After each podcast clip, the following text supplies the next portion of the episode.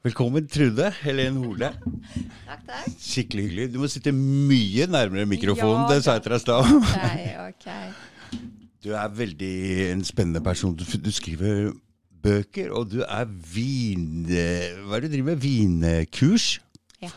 Maler? Mm. Modell? Ja. Og det er ikke måte på. Og du er ganske tøff i trynet når du sier noe. Du tør, du tør å si fra når når det gjelder, og det er ikke mange som tør. Det er, det er superbra at det er noen som tør, fordi man blir skvisa av, mister venner og Ja. Det har vel du merka òg? Eh, ja, altså jeg er jo For det første er jeg jo fra Bergen. Ja. Og vi er jo vant til også, Vi har jo en stemme, og vi bruker den jo. Mm. Eh, og vi kaller en spade for en spade, og vi er ikke redd for oss å si fra om ting. fordi at eh, da får vi det ut, og så blir vi ferdig med det, og så går vi videre. ikke sant? Jeg merker jo at folk på Østlandet er mer reservert i forhold til det. ja. De ønsker jo heller å snakke til andre om problemene med enkeltpersoner, enn å ta det opp direkte. ikke sant? Men det løser jo ingenting. Du, jeg har hatt så mye aldri hatt kontakt med folk. Jeg har aldri snakka med folk fra Bergen før, bare én gang i hele mitt liv. Og det var i, i Hamresanden da jeg var ung, og da knakk jeg en sånn Det kom et lite telt, vi venta på noen venner. Og så lå det plutselig et lite telt ved siden av oss, og jeg var litt full og reiv opp glidelåsen der og knakk hele teltstanga til de folka. Men de ble kjempeglade, og det er min Ja, eneste erfaring med bergensere. De var dritkule. Men nå i det siste så har jeg fått så mye nye venner fra Bergen. Ja. Blant annet Helge og Marius og To- Tota. Og, og det er så mye kule folk der. Så jeg har jo brukt mer tid på telefonen enn jeg har gjort noen gang med disse folka fra Bergen. Jeg er mm. veldig imponert over bergensere. Ja. Kule folk. Ja, jeg har jo vært ute en vinternatt før, og vi tåler jo litt rufsevær og sånn, så det Ja, det tror jeg. Ja. vi vant til det. Trude, Ja. fortell litt om Kan ikke du fortelle litt om, om deg sjøl? Du har jo gitt ut en bok om deg sjøl, hæ? Eh, ja da, det, det står Story. Den kom ut i 2013. Nei, men altså, Jeg er jo da en jente fra Bergen som har vært veldig eventyrlisten hele tiden. Uh, samtidig så har jo jeg hatt et veldig behov for også altså rett, Urettferdighet er jo noe av det verste jeg vet. Og jeg har jo en ekstrem forkjærlighet for, for dyrevern og natur og miljø. Så allerede som 13-åring så har jo jeg da en del artikler på trykk i Bergens Arbeiderblad og i BT. Ja, Og den gangen der, vet du, jeg er ikke så gammel, men den gangen der så skrev jo vi inn for hånd og signerte det. Så sendte vi det per post til eh, redaksjonene i Ja, Som leserinnlegg, ja. Ja, så, som, så satt der jo folk og skrev inn leserinnleggene, og så kom det på trykk. Og da så du Trude Helen Hole, 13 år. Å, det var, det var kult. Ja, det var kjempekult. Så jeg har alltid hatt det der, eh, det der at jeg, jeg må uttrykke hvis jeg føler noe er feil og galt. Så må jeg rett og slett Jeg har et sånt engasjement som jeg ikke klarer å stagge. Og jeg har brukt veldig mange tider på å prøve å så- roe det ned, men det går ikke, for det ligger så latent i meg. Eh, og det der å skrive bøker, det var jo eh, jeg likte jo også å skrive freestyle, altså stiler og sånt, norsk og sånt, og studerte jo historie og alt dette her, men også det å uttrykke seg skriftlig. Eh, og jeg visste jo som liten jente, for jeg var lesehest, jeg leste alt jeg kom over av bøker, at Ja. det skulle bli forfatter når jeg ble stor. Og selv om jeg strøk i norsk, Gjorde du det? Oi. så, eh, så Nei, jeg hadde litt for tøffe stiler, vet du. De likte ikke avslutningene mine, de var litt groteske og sånt, da, men eh, så jeg fikk litt sånn eh, av lærerne, da. Men eh, det stoppet ikke meg for å skrive bøker, og det går jo kjempebra. Så ja, nå har jeg vel gitt ut rundt 13 bøker. Ja. Mm. Så det Story er jo en eh, Det er mye politikk og næringsliv, og eh, det er en litt eh, morsom eh, bok, det òg. Det er samfunnskritisk bok, egentlig. Mm. Men eh, skrevet med en eh, humoristisk penn. Fordi du skriver litt med humor, du. Ja. Mm. Jeg har ikke rekket å lese noen av bøkene dine. Jeg trodde de er litt for jenter, eller de der Ja, men det- Hel Helten er en dame. Mm? Ja, altså helten er en dame. For dette her, Lotte Marie, det er jo en serie som jeg har. Mm. Eh, og det her er jo, det er jo eh, eh, var det han eh, Jan Ove Ekeberg, som er en forfatterkollega, han uttrykte jo at, at Trude Len Hole har jo laget sin egen sjanger med disse Mm. Ja, bøkene leste her. Mm, Ja. Mm. Og det er nok helt riktig, fordi at jeg skriver ikke bøker sånn som alle andre skriver bøker. Nei. Nei. Hva er vitsen med det? Ja, hva er vitsen med det? Sånn, copycat. Jeg er jo ikke det. Jeg er original, jeg. Men uh, hun her, du ser jo det at det her er jo ikke noe feminint uh, cover. Nei. Nei.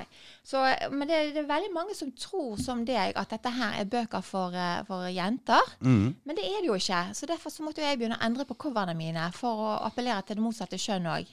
For i min egen nettbutikk så er det flere mannlige. Legg igjen en, da. Kan du legge igjen en? Ja, selvfølgelig. Ja, det blir bra. Jeg skal lese den. Ja. Det må det. ja, ja, ja, ja. Kjempebra. Nei, men, men, men Så allerede som 13-åring, du sendte inn og du visste du skulle bli forfatter, ja? Ja. Og så er det jo dette her politiske engasjementet mitt som hele tiden har vært der siden jeg var liten jente. Mhm. Så jeg jobber jo eh, opp mot politikerne hele tiden. Jeg sender de eh, jaggu veldig mange mailer. Altså har jobbet i kontrollutvalget i Asker. Jeg ble- jo forsøkt headhuntet til Høyre. Mhm. Og skulle skrive en del eh, for at de skulle kunne favne om eh, litt yngre velgere og litt sånn sett der. Så jeg har jo alltid vært eh, eh, undercover innenfor politikken også, da. Jeg liker lobbyvirksomheten. Men hva, hva er kontrollutvalget, tror du? Altså Kontrollutvalg som er i eh, alle kommuner har, eh, de skal ha et kontrollutvalg for å sjekke at uh, vedtak og administrasjon og at uh, folk som bor i kommunene kan sende inn saker hvis de er uenige om ting. ikke sant? Så kan man da eh, sende dette til kontrollutvalget. Okay. Så skal de da gå gjennom sakene og fatte vedtak. Og eh, Jeg kan ingenting om voksenverden, jeg. Nei. veldig spennende. Altså. Du får jo veldig mange, eh, mange saker på bordet så du går gjennom. Så da får du jo også kjennskap til eh, det juridiske også innenfor offentlig administrasjon. Og det er ganske interessant. Mm. Mm. Det er bra at det er noen som kan skrive og setter seg inn i det her, som er litt eh, Som holdt på å si er på vår side, og som tar, tar tak i ting som er litt viktige om dagen. Ja, for det som er, er litt gøy, det er at eh, jeg har jo en eh, Jeg har jo lært meg opp å skrive på mange forskjellige måter og ta på meg den forskjellige skrivehatten. Ja. Så når jeg jobber med offentlig dokumentasjon og juridiske saker, så har jo jeg en helt annen penn enn når jeg skriver disse bøkene her. Mm. Mm. Men jeg syns jo begge deler er veldig interessant. Jeg blir så imponert når jeg Altså, sjøl så skriver jeg både Håndskrifta mi er helt jævlig. Og, og når jeg skriver og leser det jeg skriver, så er jeg bare Oh my god, det er så dårlig!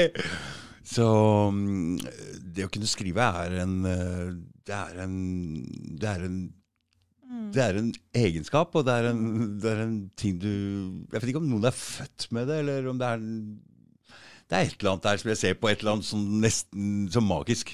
Skjønner du? Ja, ja, ja. Så jeg ser på det med stor respekt og når det skrevne ord. Ja. Ja, men altså eh, Det er jo Altså, alle kan jo. Altså, alle har jo sin greie som de er flinke på. ja. Men det er jo mange som lever et helt liv uten å egentlig finne ut hvor lidenskapen ligger. ikke sant? Fordi at vi, vi eh, var jo så vidt inne på det i sted. Og jeg er jo veldig opptatt av skolereform og det der at vi skal la barna få lov til å utvikle de egenskaper og de lidenskaper som de har, som de er født med. Mm. Tenk så utrolig mange dyktige voksne hoder vi vil ha hvis vi lar barna få lov å påvirke sin egen utdannelse ja, i større grad enn det de får i dag. For i dag skal jo alt innom den samme mal, og i den andre enden så får vi ut et snevert utvalg av mennesker som har lært det samme.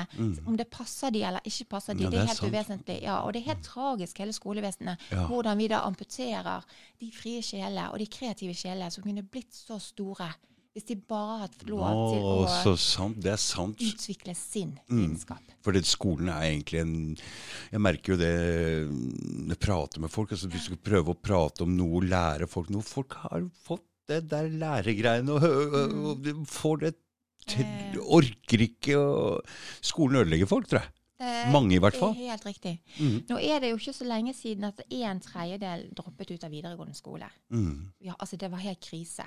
I, Og det er jo en grunn til det. Fordi at de blir vingeklippet. Mm.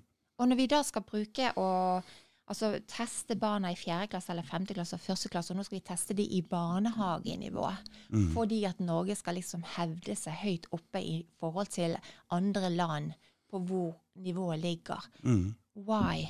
Hva skal vi bruke det til? La barn være barn. La de finne sin egen sti og utforske den. Mm, for det er nysgjerrighet som skal drive Ja. Mm. dette her. vet du, Vi burde trøkka på viten, eller, viten som ikke er noe interessant engang. Så må vi sitte og pugge. Det der er ikke interessant i det hele tatt. Folk må altså, Barn er jo nysgjerrige. Jeg er nysgjerrig ennå. Jeg Ja. liker jo best å lære ting som jeg kommer over sjøl. Jeg lærer jo så mye nå. og så, Jeg er så nysgjerrig på alle ting. Når jeg driver med denne podkasten, så må jeg jo snuse hva er dette er interessant her? Hvem er den interessante personen her? Hva er dette handler om? Jeg er jo mer nysgjerrig det enn jeg har vært noen gang. Men det er borte i skolen. Du blir bare trøkt på pugg, det her. Ja. Hæ? Det er det. Jeg er jo veldig, veldig glad for at når jeg eh, skulle begynne i første klasse Mhm. Jeg hadde jo ikke noe forståelse for hva skole egentlig var. Jeg bare hadde forståelse for at alle barn skulle begynne på skolen når de var Vi var vel seks år den gangen. Var ikke, nei, vi var syv år. Syv, syv. syv år ja. Men jeg hadde altså en lærer som het Liv Eide. Mm. En, en eldre dame med sånn eh, helt hvitt hår som var sånn krøllet, vet du. Mm. Hun var ganske kraftig. Hun hadde jo verdens mykeste hender. Og hun så meg. Ja.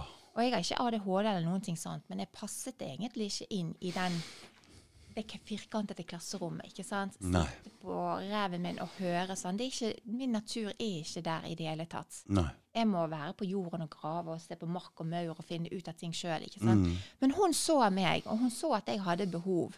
Hun kunne godt ha bare høvla de vekk og sittet med Trude, du må sitte i ro her, og du må høre etter. Mm. Men hun ga meg litt frislepp, så jeg fikk lov å sitte på gulvet og under pulten. Jeg fikk lov å ha Oi. med meg kaninen min og uglen min og kråken min på Så skole. kult. ikke sant? Så kult. Det var helt fantastisk.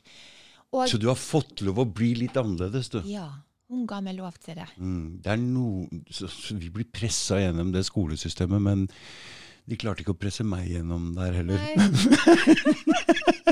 Jeg passa ikke inn. altså, Men jeg likte meg på skolen, men de sendte meg bort på spesialskole. Og jeg sa ok, greit, men jeg var jo alltid på skolen for det. Jeg var der om kvelden, jeg var der om dagen, og jeg likte jo det. Men Ja, nei, ikke akkurat det vi lærte, men jeg likte jo å være blant unga. da. Ja, ja, ja. ja, men ja, det er jo noe helt annet. Men altså, jeg husker jo det at i friminuttene så gikk jeg jo bare leide på henne. Mm. Så gikk vi, jeg gikk med henne runden rundt, vet du, så pratet vi om med læreren, da? Ja, med. Liv Eide. Å, du ble bestevenn med henne? Ja, vi, altså, jeg elsket henne overalt på jord. Hun var liksom så eh, bra. Ja, hun Så var kult. Mm. helt fantastisk. Ja, men hun så meg, og jeg er så glad for det. For hvis jeg hadde hatt de første barneårene mine opp til femte klasse der, da, Mm. eh, og blitt presset inn i dette her, så hadde jo jeg også vært en sånn der drop-out. Jeg hadde ikke maktet å gå eh, altså, ungdomsskole og videregående skole hvis de ikke hadde hatt det frislepp i starten. Mm. Som gjorde at jeg kunne finne en gyllen middelvei på skolen som passet meg. Det er viktig at riktige folk er lærere, ikke sant? Ja, virkelig. Det er veldig viktig. Ja, det er det. De må se elevene, de må ikke se papirene. De må se elevene. Mm. Det tror jeg er veldig mye, men nå er det jo så mye på følelsen at alle sånne som leser seg opp, og de alle psykologer, alle lærere, og de skal liksom få deg til å passe inn i det de har lært. Ja.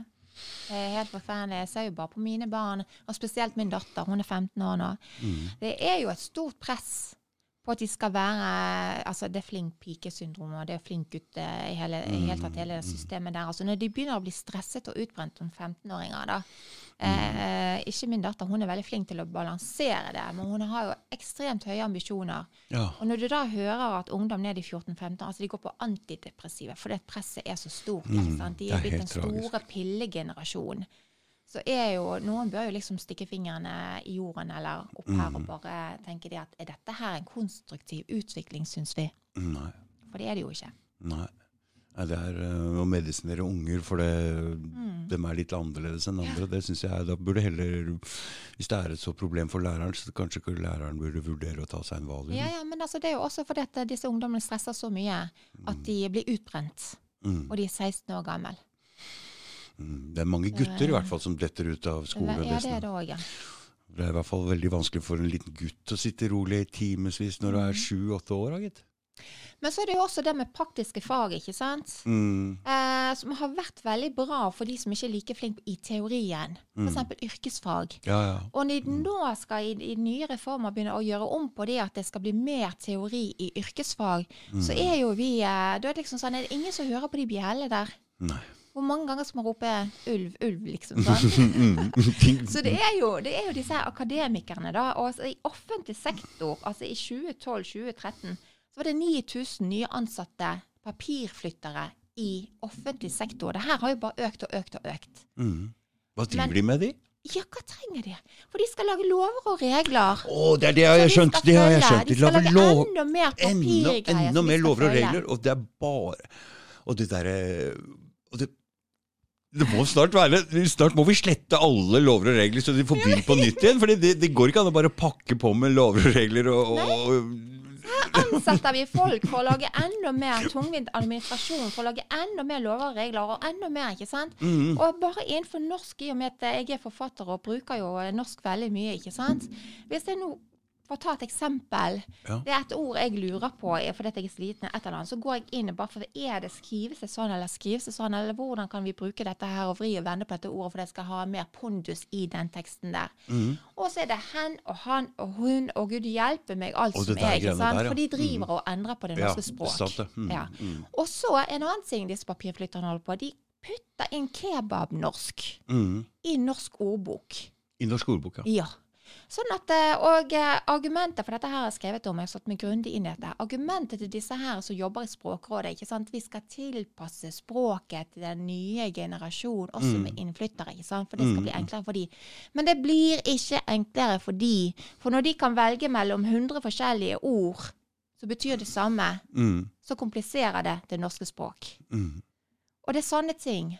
Vi driver og utvanner og utvanner og tilpasser og endrer og flytter. Nei, det her er jo helt vilt. Men, det, men det, det der med ord og mm, hva som blir brukt, og liksom når du slår opp i en sånn ikke ordbok, det er en kryssordbok, da, for å si det sånn. Ja. Så sier du det ordet her ja, Det betyr det fordi det er brukt i en eller annen bok i en eller annen sammenheng den og den gangen, og så plutselig så er det et godkjent ord. Er det sånn det er? At du kan bare putte inn et eller annet ord inn i boka di, og så seinere så kan de si at ja, det ordet ble brukt i den og den betydningen i den og den boka. Kan du innføre nye ord, tror du? Ja, det er jo det de gjør. Altså, kan sånn, du? de- I boka di? Ja, på en men måte altså, gjøre ja, det? Men jeg har jo, altså Som fatter kan du være litt sånn freestyle. Ja. Det kan du gjøre. Og jeg endrer jo litt på ord og sånt bare for å få en, en identitet i min måte å skrive bøker på. Mhm. Ikke sant? Men ikke en ordbok. Som Nei, ungdom skal ikke bruke ord- nei, som et sånn. læreverktøy. Nei, nei, ikke sant? nei. Men det er jo det de gjør. Mm. Sånn at dette her er ordet her for Du kan skrive det på mange forskjellige måter, ikke sant? Med æ og Mm. Ja, eh, a og Ikke sant? Og det gjør jo det bare mye vanskeligere. For lærerne å rette dette her. De, de har jo gått seg vill for lenge siden. Ja, for det er ikke det er ikke noe manus, det er ikke noe fasit der lenger. Nei. Alt er bare utvannet. Fordi at de her er Språkrådet. De hører på disse ungdommene som sier skæsj og stæsj og Ja. Å ja, da må, vi, da må vi putte det inn i ordboken vår. ja. Og det er sånn det har blitt. ja. Det er jo galskap. Så det norske språket forandrer seg i vill det er utvannet, og det er helt utrolig at de tillater det. altså. Mm. For det her handler jo veldig mye mer om det norske språk. Det handler jo også om den norske kultur, Ja. historie, tradisjoner, Mm. som stadig vekk utvannes på alle fronter. Mm. Så eh, når jeg vokste opp, så var jeg jo litt for det der med å globalisere og at vi skulle være denne enheten. Men jeg må jo si det at når det går på bekostning av vår særegenhet, Mm. Så er jo det en tragedie. Mm. Ja. Mm, sier du? ja. Nei, det var bare når jeg begynte å se sånn på um, hva ord som betydde, så, så kom jeg bare borti det der med at um, det ordet er brukt i den og den boka en eller annen gang, og da betyr det det og det, men det er selvfølgelig ikke i ordboka, jeg tror det er i kryssordbok eller et eller annet sånt. Ja. Ja, men sikkert. Mm. De har jo de der eh, bøkene altså, hvor du kan slå opp, og så skal du Ja, forstå. ja. Men det er jo de mm. også må jo holde tritt med Språkrådet, som driver og banner ut hele tiden. Kan ikke du innføre noen nye, kule, fine ord? da? Jeg har gjort det masse. Du har gjort det masse? Det, og så gjør jeg jo også det på Facebook. da, Så kan jeg liksom innlede et eller annet greie med en eller annen sånn punch-ord, Ja. Ikke sant? Mm. Og så utropstegn bak, og så Mm. kommer setningen. ja. Så ser jeg at andre folk begynner å bruke det. Begynner å bruke det ordet, ja. Ja, det er kult. nå skal jeg gjøre noe annet. Og så har jeg en annen sånn her, sånn, Mm. deng eller et eller annet sånt, Ja. med utropstegn på. Mm. Så ser jeg at andre begynner å bruke det. liksom, og sånn, ok, hva finner du ut? Så er med på å forme det norske språket? Ja, så folk eh, adopterer jo veldig mye Ja, ja, ja, ja, ja. av hverandre. da, Ja, Og det er jo på sett og vis ganske bra på mange måter, men så er det jo litt sånn utidig også. Mm, mm. Vi må jo prøve å være originaler. Ja. Ja. Være tro mot oss sjøl. One commitment only, be true to yourself. Mm, ja, det er helt, det er helt sikkert. Og tørre å stå for det. Virkelig. Sier det du mener, og mener det du sier. Mm. Så det er en sånn bergensgreie, det der, eh, faktisk, eller? Nei, men altså, eh, jeg tenker jo det at uh, Jeg har alltid hørt at Vestlandet- bergensere er litt sånn De snakker høyt, og de tør å si ting og Jeg har jo aldri vært der, altså, jeg veit jo ikke. Ja, vet du hva, altså, Det finnes jo unntak i Bergen òg. Men jeg tenker jo sånn, og nå har jo jeg studert historie også, og jeg er jo veldig glad i eh, sånn som du jobber med vin, så kommer du inn for både historie, kultur og tradisjoner og alt dette her. Mm. Men Vestlandet har jo vært det stedet i Norge som har vært mest eksponert for utenlandsk påvirkning. Selvfølgelig. Mm. Det er jo handel. Handel, ikke sant. Hansastaten og England kanskje også. Mm. Riktig. sant, Og Over hele kysten der. Mm. Og det har jo gjort at, eh, at eh, alle som er bosatt der tilbake i tid, de har jo, må jo være litt outspoken. Mm. Ikke sant? De måtte lære seg språk, de måtte lære seg å kommunisere. Mm. Mens i indre deler av Norge, disse dalene, vet du, vi Mm. Ja. skjønner jo ikke hva de sier. Nei, jeg gjør ikke det. Jeg var i militæret med noen som var på buss, satt bak på bussen, og jeg, jeg kunne ikke for mitt bare liv fatte hva de sa. Nei, du må bare De har smile og bodd nikke. ja, bare smile og nikke. Ja. De har bodd altså, adskilt fra folk i de der, Det er ikke rart heller. Norge er et land med mye dalfører. Ja, Altså. det er det. Trange daler, vet du. Mørkt, og det er aldri sol eller noen ting. Så det, det, er jo, det er sånn det blir, vet du. Nei, altså, jeg tenker jo at bergensere, de de uh, Men du har jo sånn besteborgerlige, da. eh, bergensere som er litt finere på det. De Men det er du. Jo, eh, ja. Du er litt sånn besteborgerlig. Nei, jeg er jo ikke det i det hele tatt. Jeg er jo den Altså, jeg kommer Du ser så på veldig fin og fjong Du går med de fine klær, du har det så fint hjemme, og du driver med vinkurs. Og jeg tenkte Hun der er veldig sånn fin og fjong. eh, Men jeg hører jo ikke forskjell på bergensk dialekt. Er det forskjell på Vestkantsbergen og annen dialekt? Har dere dialekter i Ja, Bergen? vi har mange dialekter i Bergen. ja. Ja, Mm. da, det Jeg høres bare bergensk ut for meg. Ja, nei da, fordi at eh, Og jeg, jeg har jo eh, jeg, jeg snakker jo kav bergensk, og det har jeg gjort hele tiden, selv om jeg har bodd lenger i Oslo enn jeg har bodd i Bergen. Mm, det er fint. Ja, eh, Men det- altså, det er enkelte ord jeg ikke bruker lenger, f.eks. ani. Nå er jeg ani i glasset. Berører kontakt. Sant? Det var jeg ani. Jeg bruker jo ikke det lenger, for det er ingen som skjønner hva Nei, jeg sier når jeg er på fotballbanen og roper 'Faen, jeg er jo aldri anibal!' Og så bare 'Anibal?' Jeg kommer aldri borti han, jeg får aldri Skjønner du? Oh, ja. Så det enkelte ord forsvinner jo. Mm. Men i Bergen så har vi også forskjellige dialekter der på de som snakker jeg, meg og deg. Oh, ja. Er det fint, det da? Ja, liksom? jeg jeg syns jo at det er litt penere da når du snakker jeg, meg og deg. Men det er jo bare litt sånn østlandsk eh, variant. Nei da, det er jo ikke det. Jeg er jo østlandsk. Eller Oslo-dialekt. Ja, men det, man sier jeg, meg og deg i Bergen også. Mm. Og jeg har jo prøvd, av og til så har jeg tenkt at nå må jeg slutte å si jeg, meg og deg, for det høres så eh, eh, Jeg jeg tenkte liksom Prøvd å endre språket mitt litt. Grann, sant? gjør det. Sånn. Nei, men altså, på gøy. Mm, ja, på gøy, ja. Og så, Mm. så, så prøver jeg liksom det, men det er jo ikke meg. Nei. Hørte du det? Ja. Meg. Det er fint, syns jeg. Jeg syns bergisk er fint. Ja. Men altså, eller da har vi sagt, det, det er jo ikke meg. Det høres, ikke, det høres rart ut. Nei, for det er ikke meg. Nei, Det høres rart ut da. sånn, men de snakker jo sånn i Bergen. Ja. Så det er store forskjeller altså internt i Bergen. Og så har du jo eh, Bergen og omegn, ikke sant. Mm, mm. Nord for Bergen, Strile der, snakker jo litt annerledes. Striler. Ja. Så, så heia Bergen. Det er mye, mye gøy i Bergen også. Men jeg Mm. tror nok det at det er fordi at vi har vært mer kontakt med utenlandet. At Mm, vi har en bedre kommunikasjonsform. Mm. Bedre, bedre konflikasjon. Ja, men det mener jeg. Ja, det er bra. Ja, det er sant. Ja. Her på Østlandet, folk snakker jo så lavt, og det eneste som går litt, prater litt høyt i butikken, og folk syns det er rart. Ja, men vet du hva? For meg var det kultursjokk å flytte til Oslo. Ja. Fordi at eh, jeg prater jo til folk på busstoppet. Ja. Eller jeg kan sitte meg ned hvis det er trangt på bussen eller trikken, og så kan jeg slå av. Og fy søren for et vær, ikke sant. Sånne mm. ting. Så vi gjør helt normalt i Bergen. Vi snakker med folk mm. rundt oss, ikke sant. Om vi kjenner de eller ikke kjenner Mhm. Vi får det er det. Ja.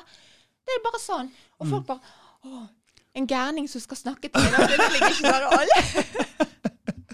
En gærning som skal snakke Så reiser de seg opp, og så går de bort og så sitter de seg på et sete lenger bak, for de, ikke, for de tror at å nei, Hun vil et eller annet. snakke med en fremmed, liksom. Og det vil jeg ikke. Så flytta de seg. Så får, i starten så var jeg helt sånn der Herregud. Enda du er så pen dame også, hvorfor vil de ikke snakke med deg? Jeg skjønner, jeg skjønner kanskje at de ikke vil snakke med meg, men De tror jeg er syk. Snakker med fremmede på busstoppet, vet du. De tar den bussen som kommer eh, timen bak, for de tør ikke, gå inn på samme buss som meg. Nei, så det var kultursjokk, faktisk. Ja. Mm. Når er du kommet til Oslo, egentlig? I 92. 92? Det er lenge siden. Det er lenge siden. Hvorfor flytta du fra Bergen? Var det mer spennende i Oslo? Et spørsmål. Jeg eh, dro først til, eh, til uh, LA for Å, ja. å jobbe som modell der borte. Å ja, å, jeg har skikkelig ambisjoner her, Trude. Ja ja, de ville ha meg rundt omkring, da. Så jeg dro til LA, for der var det sol. Og det var en høst eh, i Bergen det var så sinnssykt dårlig vær. Altså det er sånn at det, det regnet i hvert fall tre måneder i strekk. Mm. Og når det regner i Bergen, så regner det. Du har jo de syv fjellene som lukker deg inne. sant? Og så Mm. bare plasker det ned. Du drit i paraplyen. For det kommer jo opp igjen. Men var du allerede modell den gangen, siden de ville ha deg med dit og sånn? Ja, altså, Min søster meldte meg på Årets fotofjes, Å ja. Mm. og så kom jeg med på den. Mm. Uh, og eh, der eh, Jeg hadde jo aldri vært i Syden. Det her var i, på Gran Canaria. da. Mm. Det var i 87. Og jeg hadde jo aldri vært i Syden, jeg, så jeg syns det var dritstas og bare liksom sånn strender og varmt og greier. Så jeg kom jo alltid med sand i håret og salt og greier, for jeg gadd jo ikke det greiene der. Så jeg fikk jo alltid så kjeft av stylisten og de makeup-greiene, for jeg føk jo bare rundt og gjorde mine ting. Jeg. Det var ikke helt ikke sånn Du var lille Trude som satt under bordet der med kaninen ennå? Ganske sandslått.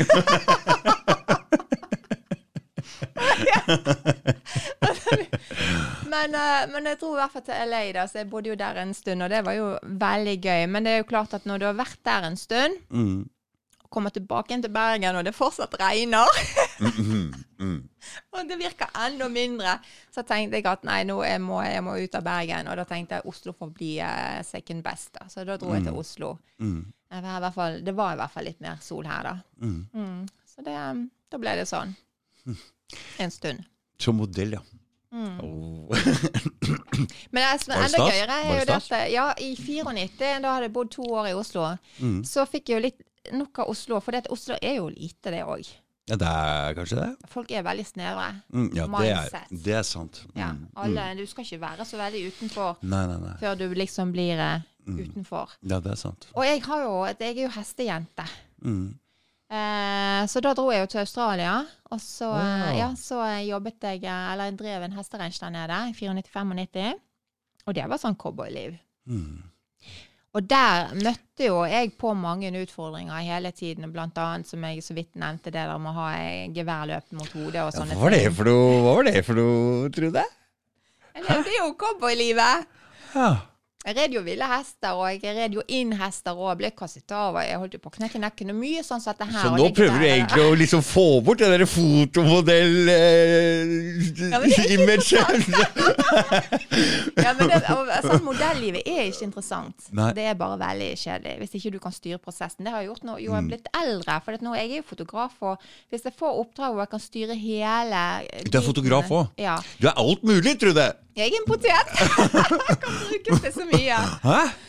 Men hvis jeg kan styre hele prosessen, og styling og hele greiene For jeg liker ikke sånne overretusjerte bilder hvor alt skal være så perfekt. Jeg liker jo vind i håret og litt rufsete, og at du kan godt være det, Sånne typer reklamebilder mm. har jeg sans for. Ja.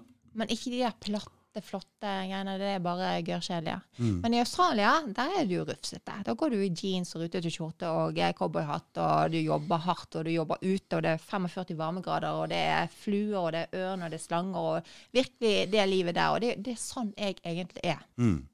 Så der nede fikk jeg oppleve mange forskjellige situasjoner, og jeg har nok vært litt helligere enn de fleste andre, for jeg skulle nok sikkert vært tolv ganger under der, altså. Så jeg har vært veldig heldig. Og derfor er jeg ikke redd for å si meningene mine heller. Nei. Jeg er ikke redd for å bli mislikt. Og jeg er ikke her på denne jorden her for å please andre. Mm. Og flere burde tenke sånn. Flere burde tenke sånn, ja. Det er helt sikkert. Mm. Ja. Altså, du har en stemme. Det er en viktig stemme, Trude. Det, mm, jeg leste Jeg hadde jo Anne Harild her. Mm. Og da sendte hun meg en sånn greie. Du var jo snoka bort på hva som skjedde med henne òg. Var litt av en sak, det. Det er litt av en sak. Og det her er jo litt det overtrampet som offentlige eh, institusjoner, holdt jeg på å si, eh, som myndigheter kan gjøre mot enkeltpersoner. Mm. Folk tror jo det at Norge er en rettsstat, Mm. men det er jo ikke tilfellet. Nei. Også innenfor barnevernet, ikke sant. Ja, det er mye. eh, det er så utrolig mange. Mm. Og folk sender meg så mye saker, og jeg skriver jo om en del av det, men jeg kan oh, ja, virkelig oh, ja. ikke. Så de sender masse saker til deg, Ja. altså, du ber deg om å skrive om det i bloggen din? Eller? Ja, for Mm, det, det, de, de er jo så fortvilte, for de kommer jo ingen vei. Det er et groteske overgrep Mm. Utført av norske myndigheter. Og det er ikke barne, bare barnevernet, det er innenfor helsetjenesten. Det er mm, syke mennesker. Det er Gud hjelp med alt som er. Mm. Og det er så overtramp, og jeg får jo så vondt inni meg Mm. at av og til så må jeg rett og slett bare skjerme meg, for jeg er så sensitiv at det, det spiser meg opp innvendig når jeg hører disse historiene. Mm. Noen ganger kan jeg skrive om det bare for å belyse saken, og Mm. også gå til politikerne mine, for jeg sender de direkte mailer. Mm. Eh, men det er jo klart at eh, jeg, jeg kan ikke Jeg har ikke kapasitet eller filter til å gripe fatt i alle disse sakene her. Nei, så folk kontakter deg angående urettferdigheter og Ja. overgrep som skjer? Mm. Mye. Mye, ja. Så jeg har, jo, eh, jeg har jo Jeg prøver jo å fjerne meg, for jeg bruke Jeg har brukt sikkert ti år av mitt liv på eh, veldig mange av disse sakene her. Ja. Og jeg har skrevet også bøker om eh, en del av det. Men, eh, men oh, ja, du har skrevet bruke- bøker om det òg, ja? Ja, for jeg har skrevet en dokumentar om selvmord, blant annet. Mm. Og det er ikke fordi at jeg går og tenker på de tingene der, men fordi at jeg leser i media ofte om eh, folk som har begått selvmord, f.eks. innenfor psykiatrien. Mm. Og da tenker jeg, hvorfor er den selvmordsraten så høy innenfor psykiatrien, Mm. som skal hjelpe mennesker som sliter? Mm. Ikke sant? Mm. Og så begynner du å grave litt innenfor der, ikke sant? så finner du at det er en fellesnevner. Og det er jo maktmisbruk innenfor psykiatrien overfor disse menneskene her, som går dit for å få hjelp. Og det er jo medisinmisbruk. Mm.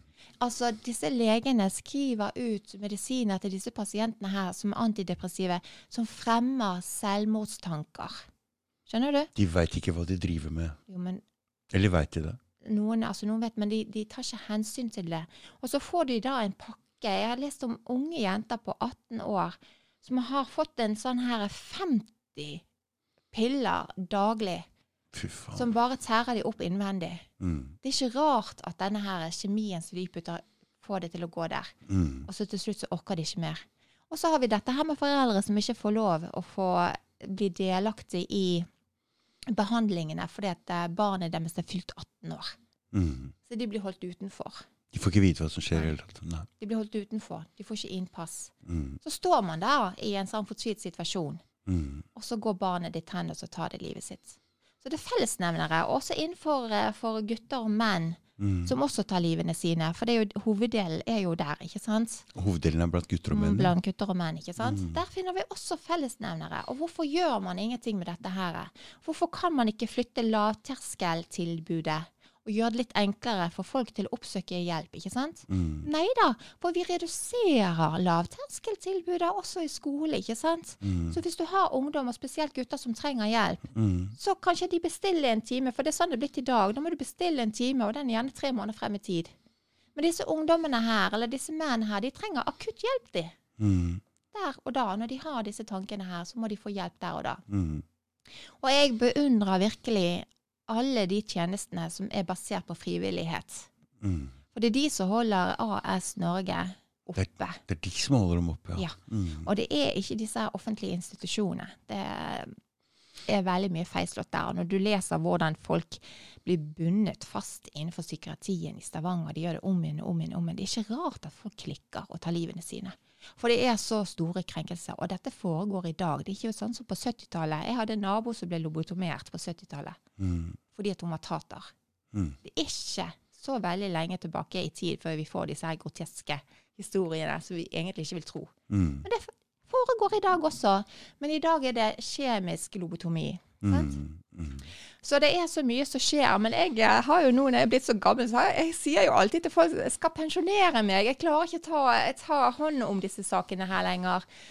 For jeg har gjort det nesten hele livet mitt. Mm.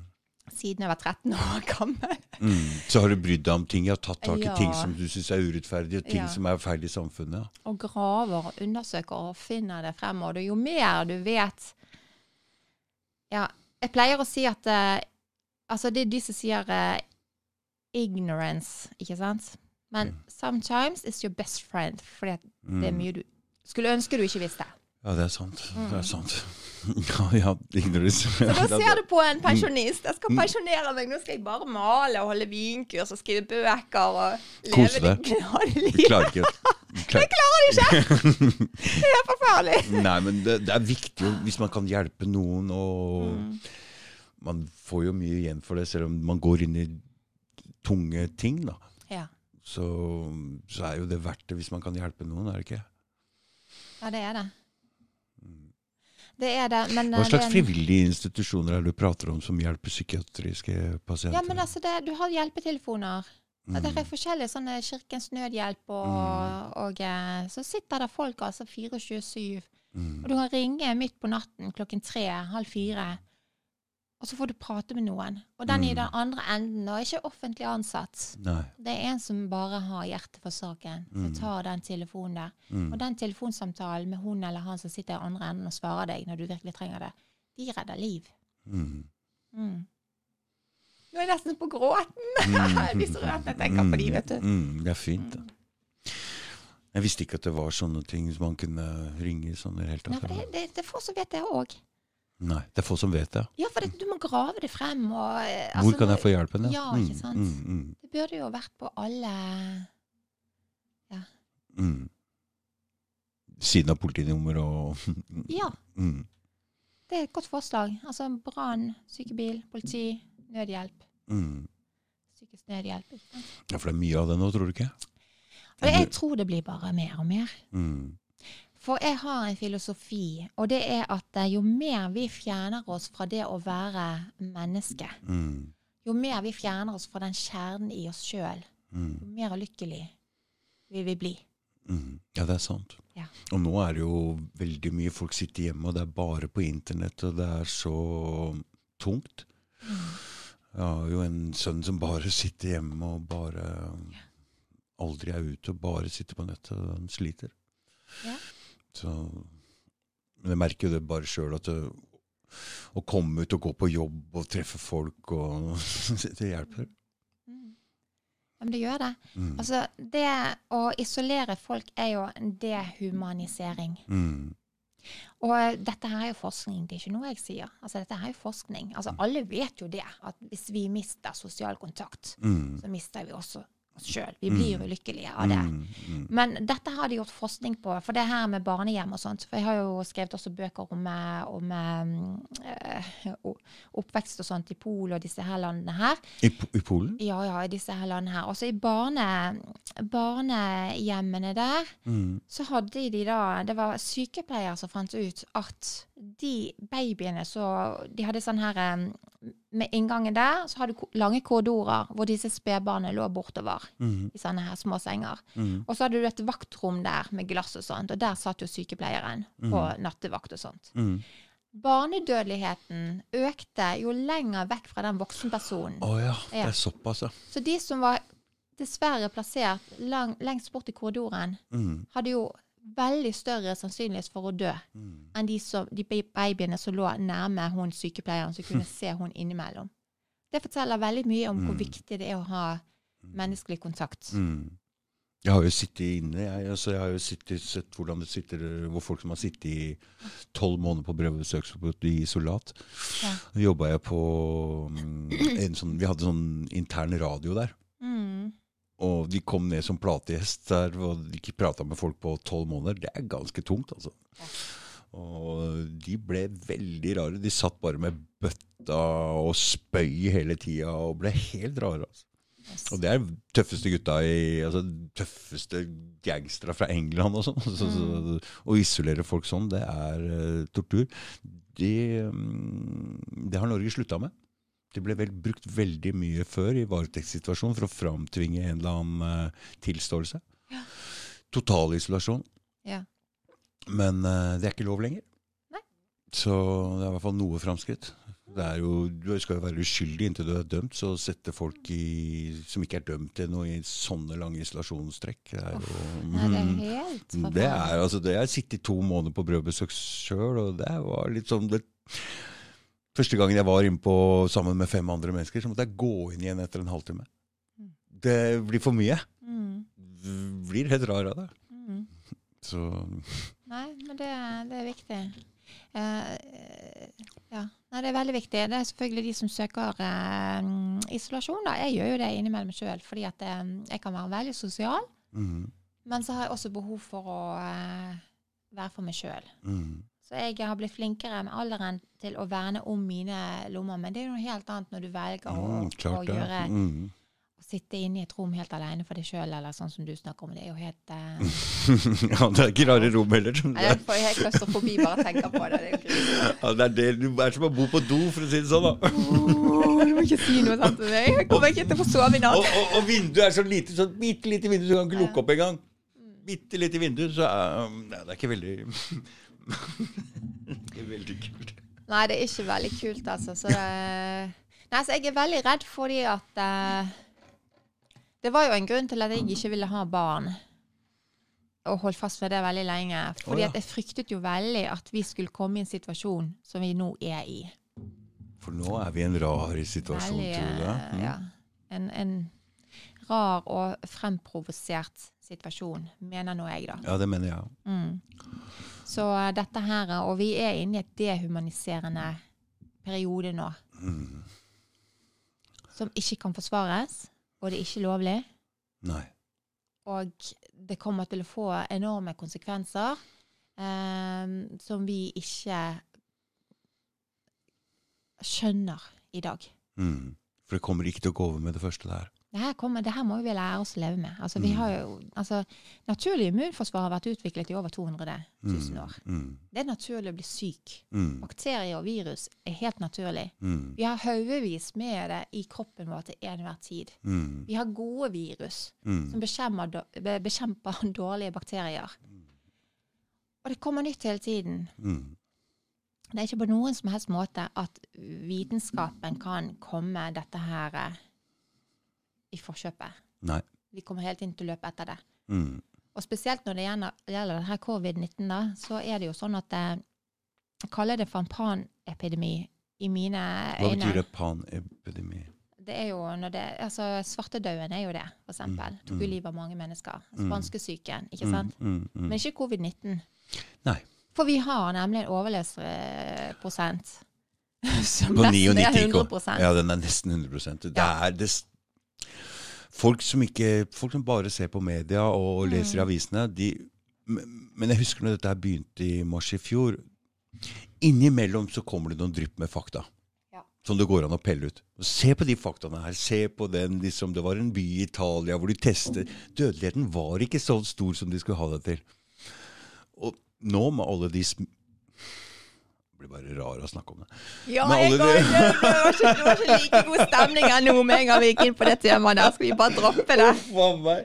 Nei, men alle de smittetallene de har nå, så synker jo dødeligheten hele tiden. Ja. Altså, det til slutt er det, de biter seg sjøl litt grann i halen her. Altså, for det, Ja, fordi at det er jo det som er riktig. Sant? Altså, jeg Mm. prøver Du kan ikke never argue the stupid. Altså, du kan ikke argumentere i kommentarfeltene Nei. med folk som er ignorant i forhold til dette her. Nei. For folk leser bare smittetall, smittetall, smittetall i VG og Dagbladet. Ja. Mm. Men det er totalt uvesentlig. For det som er viktig her, er hvor mange av de som er smittet, blir syke, og hvor mange av de som dør igjen. Det det Og disse tallene, de har vi jo. Ja. Det er 0,12% som dør, og det er gjerne folk som er 84 år med underliggende sykdommer. De kan dø av en forkjølelse. ja. Og sånn har det det- vært hele tiden. Sånn har det vært hele tiden. Mm. Men folk klarer ikke å se det. For hvis du formidler disse tallene her, som står på FHI sine sider, Mm. Så er du konspiratør. Mm. Og du begynner å peke på ting i utlandet, men vi veit jo Ja. også at tallene der har vært fake. Mm. Korona, altså blitt stempel i, I USA så var jo Ja. sykehusene tømt. De er private. De fikk betalt for hver eneste koronapasient. Ja, og de, alt som ligner på korona, trengte ikke å ta en test engang. Det var korona, korona, korona. Så det var jo masse folk der som Ja, de dødsfallene fra korona er i hvert fall veldig, veldig overdrevet. Ja, men altså, sant, og så er jo hvem er det som styrer mainstream media? Ja. Follow the money, det har jo alltid vært et uttrykk. ikke sant? Men folk må begynne å skjønne det her at du må følge pengene. Så må man finne ut hvem som eier legemiddelindustrien, vaksineindustrien og media. Og Men media, media lyver. Og de har, Ja. de har løyet og blitt med propaganda helt siden Jeg husker den første Irak-krigen. Mm. Hvor de plutselig slang opp Saddam Hussein som en av verdenshistoriens fem ondeste menn. Og altså, jeg, da var, Det gikk jo direkte på CNN. Ja. For første gang så var det direktesending hele krigen. Jeg satt og følte man prøvde å gi seg hele tida. Og den invasjonen hans i Kuwait var jo ikke rare greiene. Og så begynte jeg å titte på Kuwait. Det ser ut som det hadde hørt til Irak før og var en gjenoppretta stat av engelskmennene. Og invasjonen hans var jo ikke veldig voldelig. Drepte nesten ingen. Og så prøver han å gi seg hele tida, men de sier blankt nei. Altså går inn og dreper mange hundre tusen irakere. Og Ja. da skjønte ikke jeg mye. Altså. Da tenkte jeg hva i all verden er det som foregår her? Og sånn har media alltid kjørt, og folk tror på det, biter på det. Det er, eh, det er helt Det er eh, Folk må ha litt grann motforestillinger med hva vi blir trøkt ned i, i avisene. Ja, Altså. ja, ja. Nei, men det er igjen, altså Smittetallet er totalt uvesentlig. Og det her med å gå og teste seg også er jo helt eh, gå, Hvis man er syk, så gjør man det som man alltid har gjort. Man holder seg hjemme og holder sengen hvis man er virkelig syk. Mm, Ferdigsnakker. Og så oppsøker man da eh, hjelp eller sykehus. mm. Hvis man da For det er klart at noen blir alvorlig syk Ja av covid. Som de kan bli alvorlig syk av influensa og alle andre ting. Vi har kreft, vi har jo da hjerteinfarkt. Har Gud hjelpe meg. Vi lever med sykdom rundt oss alle sammen, og vi skal dø alle sammen. Mm. Men man kan ikke ta noen Vi har en overlevelsesprosent på 98,8 Det er mer, tror jeg. Kalle det for ja, en panib og stenge ned samfunn. Og det her kommer til å få så store konsekvenser at det er helt Mm. vilt. Og da, det har allerede fått det, og folk er så redde. Det er så dårlig stemning ute. Du ser jo folk kjører bil alene med maske på. Mm. Det er jo galskap. Ja, det er helt galskap. Helt tur aleine nedpå Ja, her, skjønner du, med maske på. Ja. Ute på ridetur helt alene i skogen med maske på. Hva Ja, men det er er jo, det er jo galskap. Mm. Fullstendig galskap. Og du nevnte det innledningsvis, eh, dette her med å miste venner. Mm. Fordi at jeg pleier aldri å diskutere disse tingene. Jeg har jo min mening om saker, men jeg undersøker jo. Jeg er jo Mm. journalist. Ja. Før i tiden var jeg stolt av å si at jeg var journalist. Jeg syntes det var veldig kult. Mm. For 20 år siden, eller. Mm. Men i dag skjemmes jeg. Mm. Fordi at det finnes jo veldig få ekte journalister. For de, Mm. de graver ikke, de undersøker ikke, de er ikke objektive, de er ikke nøytrale. De stiller ikke myndighetene til vekst. Og det er jo da en journalists største oppgave. Mm. For det er de som sitter med makta. De, ja, det, var, det var det det var før. Før i tiden, ja. Mm. De skulle passe på makta. De skal ikke drive og passe på folk som mener andre ting, men det er snudd helt om, det der. Det er snudd helt om. Snudd helt Så journalister og media er jo da eh, den logrende bikkjen Ja, til myndighetene er myndighetene som er ute etter enkeltindivider. Mm. Ikke sant? Mm. Eller å manipulere massene. Hva i all verden er det som har skjedd? Det er helt, helt forferdelig. Men det har jo eierstrukturen igjen, ikke sant? Mm. Hvem påvirker politikerne? Og Det er- hvem eier mediene? Det er medier, Vet du hva jeg tror?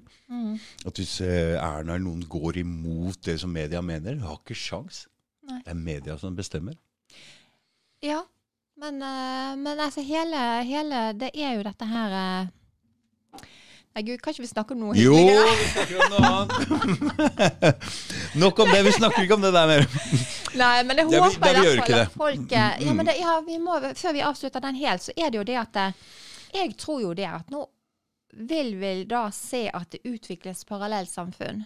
Mm. Du har, jeg liker ikke å bruke pro-vaksiner og antivaksiner. Det her er så utgåtte ord. Det er bare så her, det, det bare senker hele debatten ned på et sånn her eh, Ja, det er sånn antivaxer Ja, og dette ferdig med er- debatten. Mm. Nemlig mm. gy- gylden Jeg er ikke mot vaksiner. Det er ikke jeg heller. Jeg tok vaksinene jeg skulle til Ghana. Jeg tenkte ikke så mye over det. Og da, hvorfor kan man ikke ha det sånn i dag at folk som er redde, eller folk som skal et Ja. eller annet sted, de kan frivillig ta den vaksinen, men de trenger ikke et pass for det. Nei. Altså, vi hadde jo det for sånn her eh, Da burde de være trygge. Ja. Når de tar vaksinen, så er de trygge. Ferdig med det. Eller de snakka. mase på alle andre. Ja, og så skal man, man ta vaks eh, vaksine mot malaria eller eh, hepatitt B og hvis man skal på utsatte områder. Ja. Selvfølgelig. Mm. Men ikke at alle skal. Det blir helt feil i mine øyne. Helt Og når jeg har da venner som sier at ja, hvis ikke du tar vaksinen, så får du sitte der i isolat helt alene og miserable livet ditt, for jeg kommer ikke å besøke deg. Da er ikke de mine venner lenger. Mm, For min helse er mitt valg. mm. Men nå er det blitt sånn at din helse er mitt valg. Ja, det er blitt helt merkelig. Det er blitt helt forferdelig. Mm, Men derfor så tror jeg at det vil utvikles nå parallellsamfunn. mm, Vi har eh, det som da er det narrativet her oppe, at covid er en kjempefarlig eh, Det verste verden, for det er jo sånn det fremstilles. Mm, covid er ja, altså ja, det verste verden samlet sett har stått overfor. mm. Glem Ja, Glem han der eh, fra Satan som kommer og tar oss, for det covid er det store, stygge fanden. mm, mm, Vår felles fiende. mm, Og da må alle i solidaritetens navn vaksineres. mm. Men som du var inne på det, altså denne vaksinen hindrer jo ikke smitte. Den kan. Nei. den kan jo da, hvis den funker, så kan den da mildne et eventuelt sykdomsforløp. Mm. Men du kan fortsatt bli smittet, og du kan fortsatt smitte andre. Men det er helt greit. Det ja. kan folk velge hvis de vil. mm. Men vi som stoler på naturlig immunforsvar, vi må få lov til det. Personlig så er jeg ikke redd for det der koronaen i det hele tatt. Og jeg har ikke vært i det hele tatt heller. Og Derfor så tror jeg det at eh, du har de som velger å stole på egen, som har lyst til å være mennesker fullt og helt. Mm. Og stole på 200 000 år Mm. med evolusjon innenfor vår, vårt immunforsvar. Mm. De menneskene der, de vil da utvikle Og du ser jo det, for nå sender jo folk disse her meldingene på, eh, på alle andre steder enn den ligger ut på Facebook. sant? Noen gjør jo det fortsatt, ikke sant? Mm. Men dette her er mennesker som bruker vitenskap, evidensbasert vitenskap, Mm. som er rettesnor, Mm. pluss sunn fornuft. De som bare leser overskriftene i VG om smittetall smittetall smittetall og løper og tar denne 'Nå er det min tur, neste tur skal jeg få vaksine, hei!' Og for skikkelig var flink! da. Ja. Ink. Eller hvor i, eh, kjører bil med maske, for jeg følger regler, jeg er kjempeflink, se på meg. ikke Ja, for det er litt sånn. Ja, men la, la de ikke få lov å holde på med det. Ja. Mm. Og så tenker jeg det at hvis de nå innfører dette her vaksinepasset, som jeg er veldig sterkt imot, det har jo du skjønt Det tror jeg ikke de gjør. Ja, det tror jeg ikke de gjør. Jeg tror ikke det skjer. Noen kommer sikkert til å gjøre det. Tror du det? Men jeg tror at den motbevegelsen som folk ikke skjønner er så stor, for den er stor. Ja, den er stor. Ja. Og vi har jo faktisk vitenskapen. Altså uavhengig forskning har vi i bakgrunnen. Altså vi har det i ryggen der. Mm. Disse landene og disse restaurantene og disse hotellene, sånn som Petter Stordal som jubler for vaksinepasset, Mm. de tror jeg kommer til å erfare det at eh, dette var et lite Liten lurt trekk. Ja. Fordi at vi får noen vaksinerte på besøk. Mm. Men alle de andre finner parallellsamfunn. De drar andre steder. Mm. Andre restauranter, Ja, for det er mange, vet du. hoteller. Fordi vi er mange, ja. Mm. Vi er mange. Mm. Men vi blir ikke hørt, Nei. og vi blir ikke sett. For vi sensureres over det hele. Ja, det det. Mm. Men vi er mange. Du ser jo disse her millioner, millioner av mennesker som demonstrerer Mm. nedover i Europa. Aldri- hører ingenting om det her. om det. Ingenting om det. Nei. Det er så dumt, det hele dette Ja, norsk presse, herregud. Det er, de tisser jo i buksene og merker det ikke sjøl engang. Det er helt forferdelig. Mm. Men så jeg tror det er, vi vil få disse parallellsamfunnene her. Og dette her med venner og sånn som man, folk vil miste det, for at man står, det blir så motpolis. Det ble borte fort. Ja, Hos meg. Fort. Ja. Det gjør meg ingenting. For hvis de skal bestemme over min helse, så er de ikke lenger min venn. Nei, det må, det må være lov å få lov å ha egne meninger, og det kan ikke være sånn at vi Mm. Ja. må mene akkurat det samme for Nei. å være venner. Jeg forstår ikke det der, men eh, Nei, for det, jeg har jo ingenting Jeg har jo alltid hatt eh, takhøyde, jeg. Mm, Jeg har mm. aldri eh, prøvd å omvende en som skal ha vaksine. eller noe sånt. Så de må de bare gjøre. Jeg har aldri argumentert, jeg har aldri diskutert. Det er ikke noe det. Jeg har et vennskap med vedkommende, respekterer det fullt Det er ut. ikke noe problem. Men ikke når de skal komme og bestemme over meg. Nei, og ingen Det får bestemme ikke. over meg heller. Du kan få bestemme litt over meg. Det skal jeg gjøre, det skal jeg gjøre med så liten at du ikke merker det. Så bra. Bare manipulere litt. Ja, ja, nei, Det er en veldig rar verden vi er. Og det her er jo det samme som med det her engasjementet som vi snakket om. ikke sant? Mm. Eh, jeg har jo i mange år, nå, minst fem år, sagt til meg sjøl nå må du pensjonere deg. tror Du Du kan ikke bruke tid og krefter på dette her. Mm. Men jeg har fått barn. Mm. Og jeg vil ikke, som jeg skrev til politikere nå i, i, i går faktisk Hva skal dere fortelle barna deres hvis dere innfører vaksinepass? Så må dine barn altså gå og få en jevnlig injeksjon her av dette stoffet som ikke er godkjent, som inneholder faens mye dritt. Som på sikt vil da ødelegge det naturlige immunforsvaret, for det er konsekvensen, og det tenker ikke folk over. For dette er tukling. Ja. Og det her er lite utprøvd. Vi vet ikke langtidskonsekvensene heller. Ingenting. Aldri vært prøvd før. Det er liksom sånn at Ett år så har vi en vaksine som skal ta et virus som muterer hele tiden. Det funker jo ikke. Nei. Alle som har litt omløp over hodet, de skjønner jo at dette her funker ikke. Mm. Så må de stadig få en ny sprøyte. Da må du sende dine barn inn for å få en ny sprøyte med hver tredje måneds intervall, eller er det egentlig. Hva er det som foregår her, egentlig? Hva er det de skal presse på oss? Hva er dette for noe? Hva er det altså, De som styrer Og jeg skjønner at det er mye penger i det. Mm. Men hadde det bare vært noe Bare noe vann de hadde sprøyta inn, så hadde jeg skjønt det. Men, men, men det er noe Hva er dette for noe? Jeg orker ikke tenke tanken engang. Ja, altså, men det er rare Ja. Det er noe Altså det er, det er jo Du har jo de logiske bristene fra A til Å i alt som har med covid og vaksiner å gjøre. Ja, det er det er ingenting Nei, som nei, kan forklares Nei, logisk nei, her. det er sant. Nei. Mm. Men jeg har ikke lyst til å gå så veldig mye inn Nei, på dette her. nei, Jeg nei. bare sier til folk follow the money, gjør en jobb Mm. og undersøk litt sjøl. For dette gjelder ikke bare din helse, det gjelder dine barns Mm. helse for all overskuelig fremtid. Hvis du nå sier ja til dette her. Mm. Og Så de forandrer, forandrer hele samfunnet. Der. Ja. Og dine barn vil aldri kunne få oppleve et fritt samfunn sånn som du har fått. Nei. Og det prøver jeg også å si til folk gjennom mine blogger. Mm, Du vet, du vet, vi har jo aldri hatt trengt å gå med legitimasjon på oss engang. Og nå skal vi liksom kunne vise fram en sånn greie hvor vi må registreres hele tiden. Nei, det der er eh, For et overvåkningssamfunn Ja, vi er på vei inn i. Altså Det er jo helt greit hvis Spania sier at de skal ha vaksinepass, så må de som ønsker å dra dit, vaksinere seg. Mm. Så kan vi andre dra alle andre steder. ikke sant? Så er det frivillig. Helt greit. Mm. Men at det skal bli sånn at man skal ha denne greien der Det er ikke så veldig lenge tilbake i tid at vi hadde mennesker som måtte gå med en gul stjerne her. Mm. Som ikke fikk lov å ta del i samfunnet. Mm. Vi hadde mennesker som da anga naboene. Mm. Vi er jo Der er vi nå, altså. Ja, vi er jo der. Vi er der. Mm. Vi er der. Og så når jeg leser da, var det i Haugesund, det var jo her på forsommeren her i fjor, da, at eh, folk måtte i fengsel for å gi hverandre en klem Det leste jeg. Husker du det? Ja, det så jeg. Bilde av den diktatur? benken fra Haugesund, ja. Ja. Mm. Hva er det for et diktatur? Og det er innført sånn i et av verdens mest demokratiske Mm. samfunn. Og har du sett Sånn. alle de korte høringssvarene de har nå? Ja.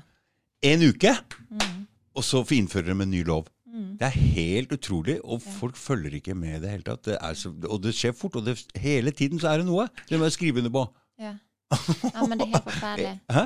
Det er her, og som jeg skrev til politikerne i går Dere jobber for folket, Mm. ikke for privatpersoner eller industrielle bedrifter. Mm. Men det er sånn det har blitt. Og Mm. folket er Nei, men folk, Jeg håper jo at folk skal våkne etter hvert, da, men du vet jo det at så lenge vi har en god seng å sove i, vi har mat på bordet, så er vi så konforme at vi gidder ikke å undersøke. Nei, nordmenn er ganske konforme, det er Det er helt forferdelig. ja. Og vi har jo ikke den tradisjonen fra å demonstrere heller som du har nedover i kontinentet. ikke sant? Nei.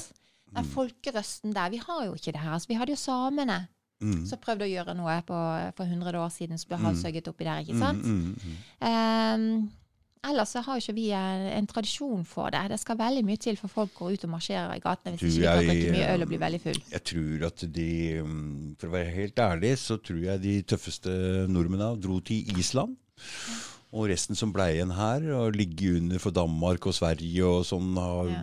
jeg tror de har luka ut de tøffeste folk, har tatt på dem svensk og dansk uniform og bare sendt dem ut av Norge. Altså.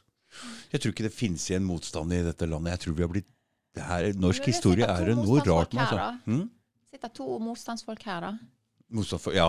ja. Det, er noen, det, det er noen Jeg føler meg så lite norsk også, så jeg vet ikke helt hva, hva det der er. Nei, men eh, jeg tenker jo også det at eh, den motstandsbevegelsen som var under krigen, ikke sant. Det er jo klart at det, veldig mange så jo den gangen der at det, å være under et regime styrt av tyskerne, liksom sånn ja, det er så ille. Jeg, det, Skjønner du? Der.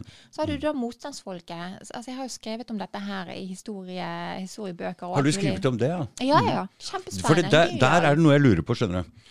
Jeg har liksom litt følelsen av at de kommunistene som egentlig var de tøffeste motstandsfolka, ble liksom bare skvisa ut etter krigen, og så kom han der Jens Christian Hauge, som var en sånn luring som ikke var helt med, og som liksom til at det var vi som var motstandsfolka. Er det sant, eller er det sånn? Det var jo veldig mange som tok en ære, de, eh, en skamfull ære i etterkrigstiden. Det er jo helt sikkert. Det er Altså, sikkert det, ikke sant? De Og de som egentlig helter. var kommunistene, som var de tøffeste motstandsfolka, de ble på en måte Ja, pælma ut. De ble pælma ut, Ja, ikke sant? ja. Mm. Du ser jo bare disse her krigsseilerne, ikke sant? Som gjorde en sånn ufatt... Får, nå kjenner jeg for helt sånn frysebyer på hele kroppen. altså Bare selv bare skriker ut nå. Og hvordan mange av disse her ble behandlet i etterkrigstiden. ikke sant? Og kvinner også. Mm. Nå er det jo sånn at det var veldig mange kvinner som da sto opp og var med i motstandsbevegelsen i Norge. Mm. Som også gikk med gevær på ryggen og var med på sabotasjer. Mm. Men disse ble jo disset ned i etterkrigstiden. Mm. Fordi at dette her var jo da på 40-tallet, ikke sant? Mm. 40-45. Og en kvinne den gangen der, og spesielt når freden kom, hun skulle være husmor. Mm. Hun skulle være hjemme, passe barn, og vaske klær og lage mat. Si det en gang til. Og så, det er klart at det, at det som skjedde da, var jo disse gutta her som løp med halen mellom beina, for mange gjorde jo også det. Mm. De gikk jo da frem, og så fikk jo de fikk lov å være med i dette her seierstoget på Karl Johan og sitte i bil og alt mulig, men ikke kvinner som var med disse gutta her skulder mot skulder og skjøt på tyskerne. Mm. De fikk ikke lov å være med fordi de hadde da innovatiss. For de skulle være hjemme. Mm. Og de kunne ikke ha det på CV-en, de kunne ikke bli skrevet om eller noen ting, for da var det ingen som ville gifte seg med denne damen her, for hun hadde da gjort manneting og hatt gevær og sånne ting sånn som ikke passet så veldig godt inn i den husmorrollen, ikke sant? Mm. Så de ble bare De fikk ikke plass i noen historiebøker. Ingenting. De ble bare usynliggjort. Mm. Men nå er det altså en askerbøring som heter Arne Wiborg. Mm. Og eh, bestemoren hans var jo en av disse motstandskvinnene. Så han skriver nå en bok om disse her kvinnene som ble ignorert etter krigen. Mm. Og jeg gleder meg veldig til å lese den boken der. Mm. Mm. Det er mye rart med det der etterkrigsoppgjøret. Ja, det er det. Det var jo folk som Damer som var i Røde Kors, som var nede i Tyskland og bare drev med å hjelpe såra soldater som mista statsborgerskapet her, og ble folk som var gift med eller var sammen med Ja, ja, ja. unger. Altså, det, det, var så, det var så, mye dritt etter det krigsoppgjøret. At det, hæ? Nei, det er så tragisk. Jeg bare tenker på sånn tyske tyskertøsene, for eksempel. Ja, Altså, der, Maken til disse guttene som var eh, kjempet For fra Tyskland her, altså, de hadde jo ikke lyst til å være der. Altså, de eh, hadde ikke noe formening rundt det. De, fulgte, altså, de var jo Mm, bare soldater. Stakkars soldater. Det er helt forferdelig hvordan man kan sende unge gutter ut i krig. Mm. Og så forelsker de seg i en norsk jente, og så er det gjengjeldt, og så eh, har de en kjærlighetshistorie. Og så får de da bare Hele det er livet sitt er ødelagt etterpå. Ja, det er helt er forferdelig. Men da har du jo den masse suggesjon Mm, igjen. mm, mm. At folk føler at de er på den seirende siden, Mm, eller der hvor massene er størst. Og når de føler at de tilhører en majoritet, så gir det en styrke som kan være kan skikkelig, være så skikkelig stygg. Ja, den kan være så uspiselig og så stygg. Men Mm. så lenge massene der, Ja. Så gjør folk sinnssykt mye stygge ting, altså. Det er helt utrolig hvor ja. folk er små og feige og rare Ja. inni seg. altså. Mm, Og tør ikke å stå opp mot urett i det hele tatt, og må bare stå sammen med de andre. mm. Og gjerne Nei, det er helt forferdelig. Så det er masse suggesjon. Mm. Det er en forferdelig ekkel kraft, altså. Og det her å føle at man tilhører majoriteten, det er også en forferdelig stygg kraft som er destruktiv. Jeg tilhører aldri majoriteten, jeg. Nei, ikke. Aldri. Hvis alle går den veien der, Ja, så går det den veien der. det er samme med meg. Altså. Jeg har sagt siden jeg var liten. Jeg kan gå bort til andre folk og spørre hvilken Alle peker den veien. Takk skal du ha. Jeg. andre folk tenker jeg det er bare å ikke høre på oss. Sånn er jeg òg. Men jeg, jeg liker ikke å gå i flokk heller, da. Så jeg, det er jo en av grunnene, da. Men, uh, og så gjør jo jeg Jeg gjør jo veldig mye ting da, som, er, som ingen andre har gjort før. Mm. Uh, og, så, men det, det er jo liksom min sånn her Jeg vet ikke hva jeg skal kalle det. fordi at eh, det er jo ingen som ser at jeg er først ute med å gjøre ting, for alle andre er jo der bak. Ja. Så er det ingen som får det med seg. Men jeg følger ikke mastene, og jeg følger ikke et narrativ. Jeg bare følger liksom dette og dette. Mm. Det er liksom min sånn styringsgreie. Og så har du den derre hva som føles riktig og galt her. Mm. Og så må man stå opp mot det. Og så er det jo viktig å ha en stemme som er litt annerledes. Det er ikke vits å mene det som alle andre mener. Nei. Mm. Det er jo helt totalt meningsløst. Det er ikke vits å si noe. Da. Da kan vi Så bare du- sitte sånn. Ja, da kan vi bare sitte rolig, for det er alt under kontroll. Men Mm. hvis du føler at og, og som regel så er det et eller annet å påpeke med det alle mener. Det er en annen vinkel. Den må vi leite etter.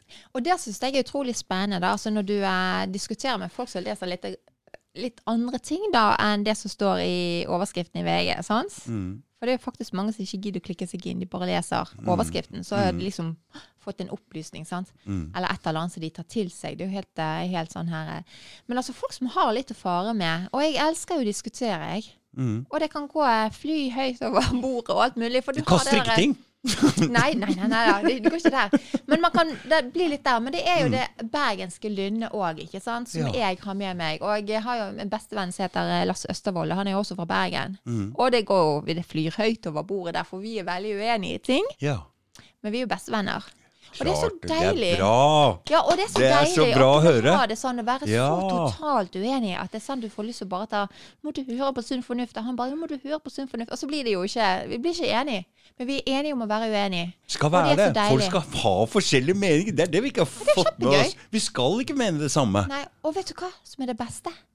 Hvis jeg diskuterer med noen, f.eks. deg, Ja. så kommer du med et argument som gjør at jeg ja. Ja.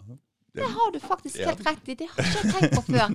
Så føler jeg at jeg har utviklet Ja, ja, meg som menneske. Mm. Mitt narrativ har blitt utvidet. Og da føler jeg det at wow, dette var stort. Mm. Og da er jeg vedkommende evig takknemlig. Det har Mhm. utvidet mitt Det er veldig bra tankegang. Det er veldig smart å tenke sånn, fordi vi er ikke ferdig altså, Vi veit langt på langt nær nok. Og for hver nye ting vi altså, Ja, jeg er enig med deg. Mm. Vi må høre på andre folk, og hvis det er noen Jeg, jeg, jeg har det sånn at jeg får akkurat som jeg får en slags forståelse av at alle ting er sånn, og så OK, nå skjønner jeg alt. Men så glipper det igjen. Ja. Så glipper det igjen, for det, man skal jo ha inn nye ting. Mm. Så jeg er ikke bombesikker på noen ting, egentlig. Og jeg er klar for å få inn nye, nye ting hele tida, for ting er i utrolig rask forandring nå. Ja. Så det lønner seg å ikke låse noen, eh, noen, noen ting.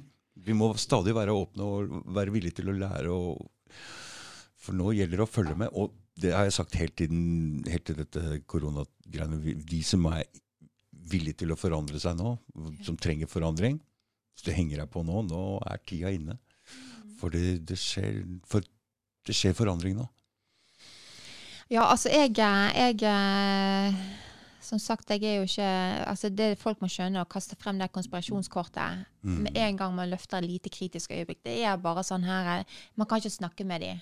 Nei, nei. Man bare forteller dem vet du hva, du må lese hva som står i statistikkene, for statistikkene lyver ikke. Mm, Gå og les det. mm, Og hvis du mener at eh, jeg lyver, så mener du at FHI lyver også. Da Mm. er det jo sant? Men folk vil ikke ha det. De bare trekker det opp hele tiden. Å, konspiratør, å, mm. konspiratør. Det er Men folk må lære seg å nå å begynne å lese statistikker, og de må Mm. begynne å lære seg forskningsrapporter fra uavhengige forskere. Så enkelt er det. Vi må ha en slags uh, mental og intellektuell revolusjon nå. Folk Ja, må ja, gjøre mm, mm, jobben. ja, vi har lært å Mm, lese på mm, skolen. Ja, mm, Nå må vi begynne å lese de Mm. riktige tingene. ja. For hvis ikke, så, eh, så jeg ser nesten på korona som en sånn blessing in disguise. Altså.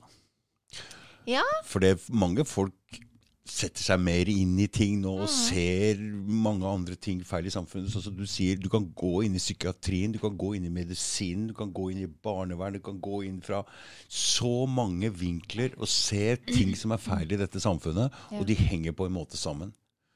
Alt sammen. Så vi er nødt til å kaste noe av dette gamle systemet nå og få noe nytt. Og det er flere nå som jo større og jo mer restriksjoner og Kom gjerne med koronapasset, vaksinepasset. Kom med det! Kom med alle de Lokk oss ned, lås oss inn, så skal vi se om ikke flere reagerer på det.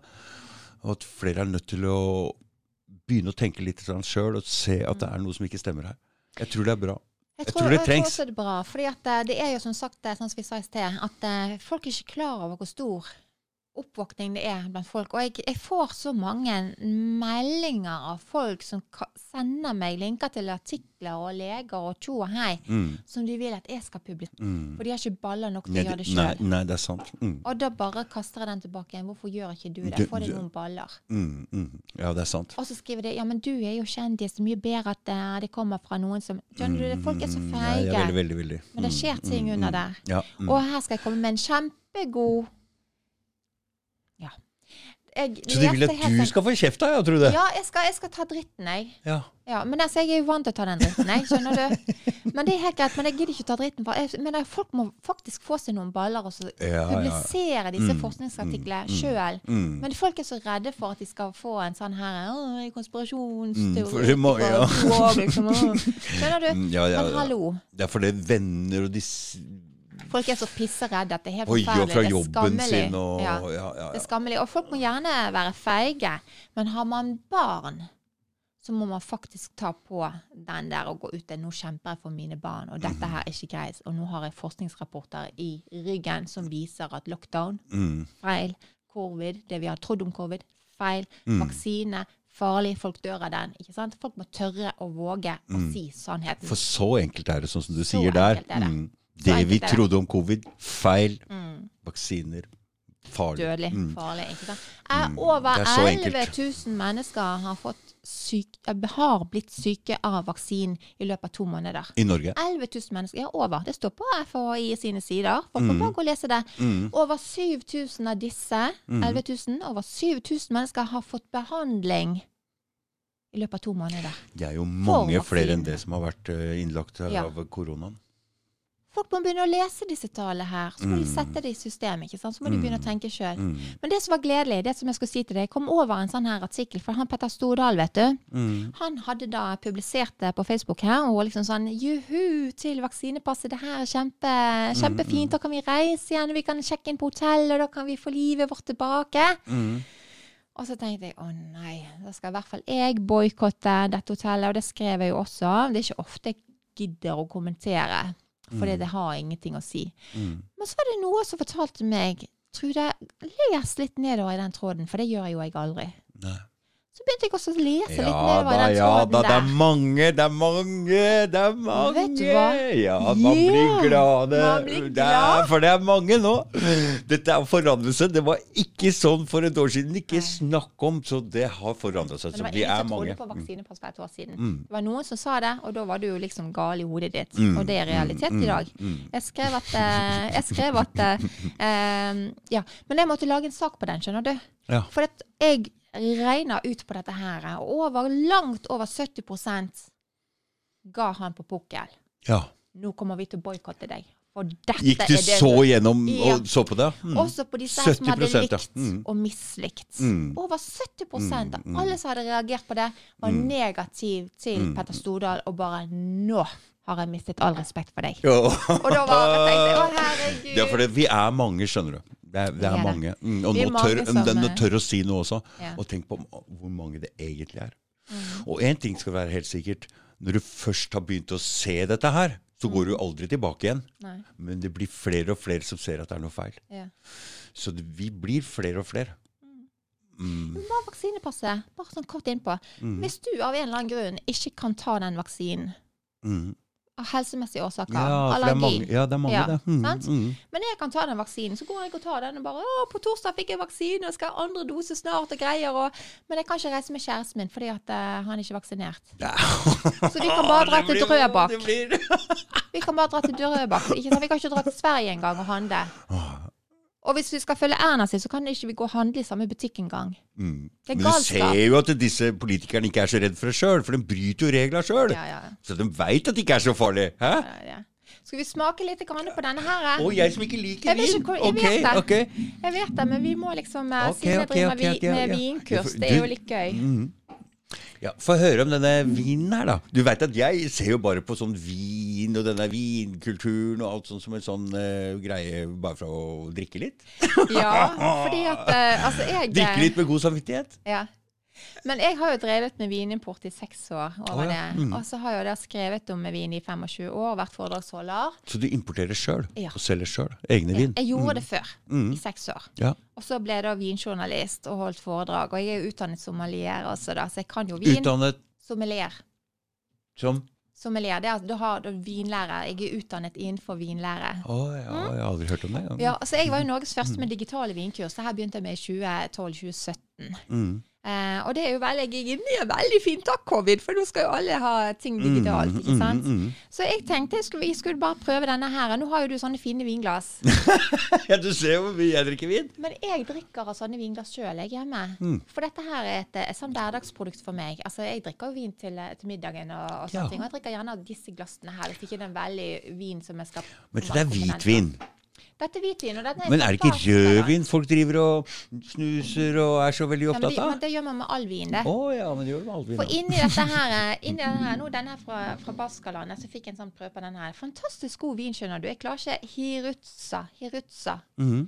uh, og den er fra Baskaland i Spania. Mm. Og du har jo uh, For folk som liker Chablis og Sauvignon Blanc Jeg satt og undret meg veldig i går kveld når jeg skulle prøve denne her, på hva jeg egentlig finner den, i denne her. For den var eksepsjonelt deilig. Frisk og mineraler og sånn sjømineraler og Mhm. epler og sitrus og liksom mandel i avslutningen. Og veldig kompleks. Skal se om du liker den. Nå Ja. kan ikke vi rulle på glasset her, da, fordi at du bruker sånne kjøkkenglass som jeg også gjør. Så vi kan liksom ikke gjøre sånn. Det ser ikke sånn nei. Nei, men du kan lukte på den. Så kjenner du bare, Jeg bare har lyst til å gi deg et lite sånn triks når du skal eh, lukte på en vin. ikke sant? Ja. Nede, for du, aromaene er jo det, er jo det stiger jo, ikke sant? Ok. Så nede i glasset vil du da kjenne de tunge aromaene. Så Du har nesen din her. Og tar du nesen din på toppen av glasset, oppå her, så vil du kjenne de lette aromaene. Men du, jeg har sånn veldig dårlig utvikla luktesans. Ja, men det har sikkert andre ting som funker. Ja, det må være. Noen steder må det være litt minus. Ja, ja, jeg tror jeg bestilte bare veldig dårlig av det. Jeg tenkte det er ikke mye bruk for som mann. Nei, nesen kan du bare drite i.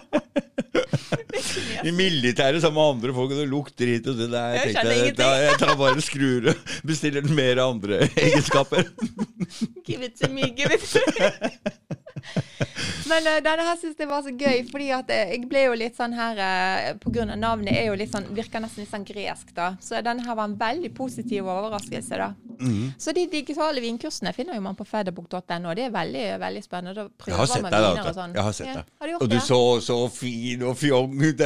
Jeg tenkte det der er en sånn fin overklassedame, tenkte jeg. Ja, alle tror det, vet du. Ja, Men jeg er jo ikke det. Jeg er jo, jeg er jo rølpen. Jeg er i Bergen. ja. ja. Modell og sånn vingreier. Tenkte jeg hmm, det skal bli litt av en samtale, tenkte jeg. Folk setter meg i bås, vet du. Jeg skulle gjøre intervju med en som heter Inge, Sol, uh, Sol, uh, Inge Solheim, vet du, han fra Indre Våga. Og han eh, er sånn her filosof og sånn eh, polfarer og sånn eh, natur og litt sånn her tøffing, da. Mm. Og så skulle jeg gjøre et intervju med han. Så hadde han gjort litt research og trodde det. Han trodde jeg var fra Bærum, ikke Bergen. Og han trodde jeg var sånn fin bærumsfrue som kom med fotoapparat jeg ikke kunne bruke engang. og så, så møtte han meg. Han fikk jo helt kultursjokk, da. Ja. For jeg er jo ikke det i det hele tatt. Jeg er jo helt alt anti-fint, jeg. Mm. Jeg graver i jorda. Jeg er jo Men du bor veldig, veldig fint ute i Bærum der. Nei, men jeg bor ikke i Bærum, jeg bor i Asker! Ok, Asker, da. Ja, Og så har Men min og malestudio. Bor du rett ved vannet der, eller? Ja, så det, ja, det, er den det blå huset, det er den perlen, ja. Mm. Så der spiller jeg inn eh, vinkurs, og der maler jeg, og der skriver jeg mine bøker. Og nå skal jeg begynne med italienske vinkurs, da. Eh, område for område. Og det skal jeg gjøre utendørs. Mm. Det begynner å bli litt grønt. Ha folk der, ikke sant? Nei, jeg spiller de bare inn, jeg. Mm. Og så går folk inn på nettsiden min, og så kjøper de det digitale vinkurset. Så kan de se på det kurset, om de sitter hjemme i stuen, eller de er ute i hagen sin, eller om de er på båttur. De kan se på det hvor som helst, og når som helst, og med hvem som helst. Mm. Så det er jo helt genialt. Mm. Likte du den? Ja, det var ikke vondt. Alt går i grisen! Du, jeg har ikke peiling på vin i det hele tatt. Jeg drikker jo aldri. Ikke liker jeg øl, men jeg syns det var eh, Det var ok. Veldig forfriskende, altså. Mm. Den likte jeg veldig godt. Nå blir- Jeg merker alt, jeg, skjønner du. Det er ikke Jeg begynner å bli full. Nei. Så gøy! Jeg kjenner det litt på. Gjør det? Ja, du vet, jeg drikker aldri. Aldri. Nei, men jeg drikker ikke mye, jeg heller. Jeg holder bare vinkurs, jeg. Og så kan jeg ta meg et glass. Mm. Eller to.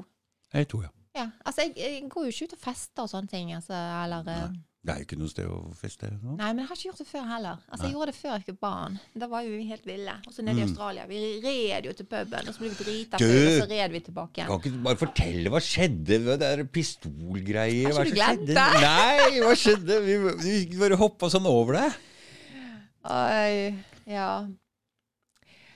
Nei, jeg kan, jeg kan virkelig ikke fortelle det. Jeg til, kanskje jeg kommer til å fortelle det i den, denne serien her om hun. Ja. For hun jobber jo i vinbransjen. Nå ja, så det er litt deg, det der, ja. Det er nok det. ja. Eh, og i den tredje boken Nei, i denne boken her, mm. så er jo hun i Australia. Så denne fortellingen her er jo i Sydney. Og det Mm. er jo det er drap, og det er horer, og det er halliker, og det er dop, og det er strippeklubb. Trude! Hva i all verden? Jeg har jo vært ute med internatt. Trude. Så det her er jo hardbakka krim. Mm. Og det er basert på egne opplevelser. Er Nei, ikke, nå gir du deg, Trude! og det er ikke sånn som Jo Nesbø bare skriver om ting, vet du. For jeg har jo opplevd disse tingene her. Oh, ja. Ja, ja. Så i bok fem, som jeg skal begynne på nå, der er jo den Hendelsen er jo fra den ranchen der som jeg jobbet. Ja. Og der skjedde det jo veldig mye ting. Mm. Og der hadde vi jo geværer også. Og jeg brukte de geværene sjøl. Mm. På kenguru. På Som vi grillet og spiste Ja. ute in the outback. Ja. Men jeg opplevde også å få et sånt gevær, og jeg har jo sett hva de kan gjøre. Rett mot der. Det var ikke så hyggelig midt på natten der. Da løp jeg i tre mil. Bare løp og løp. Så det var alvor, altså? Det var alvor. Mm. Men jeg kan ikke røpe alt, for dette kommer i min neste bok. ja. Når kommer den? Jeg må begynne på den først. Men er dette så uh, det handler om den samme dama hele tida, disse bøkene? Lotte Marie, ja. Mhm. Mm. Og hvor mange har du gitt ut den? den- Fire. Fire som er ute nå. Og Lotte Marie, det er litt Nei, Trude. Jo. Ja, okay. ok. Men vet du hva, her står det jo faktisk her. Mm. Bedre enn Bridget Jones' budstikker. Prinsessen av humor, Askeravisen. Mm. Ja, jeg har lest det. Jeg har lest at du har fått skikkelig bra ja, jækla kritikker. fine tilbakemeldinger. Mm, mm, Så det er jo gøy. mm, mm. Jeg skal legge en bok av. Jeg skal gjøre det. Men du skulle egentlig hatt nummer tre. Den må jeg sende til deg. Å ja. Hvorfor Mm. kan jeg ikke, skal jeg ikke begynne med nummer én, egentlig? Nei, fordi at uh, de to første er det veldig mye om vin.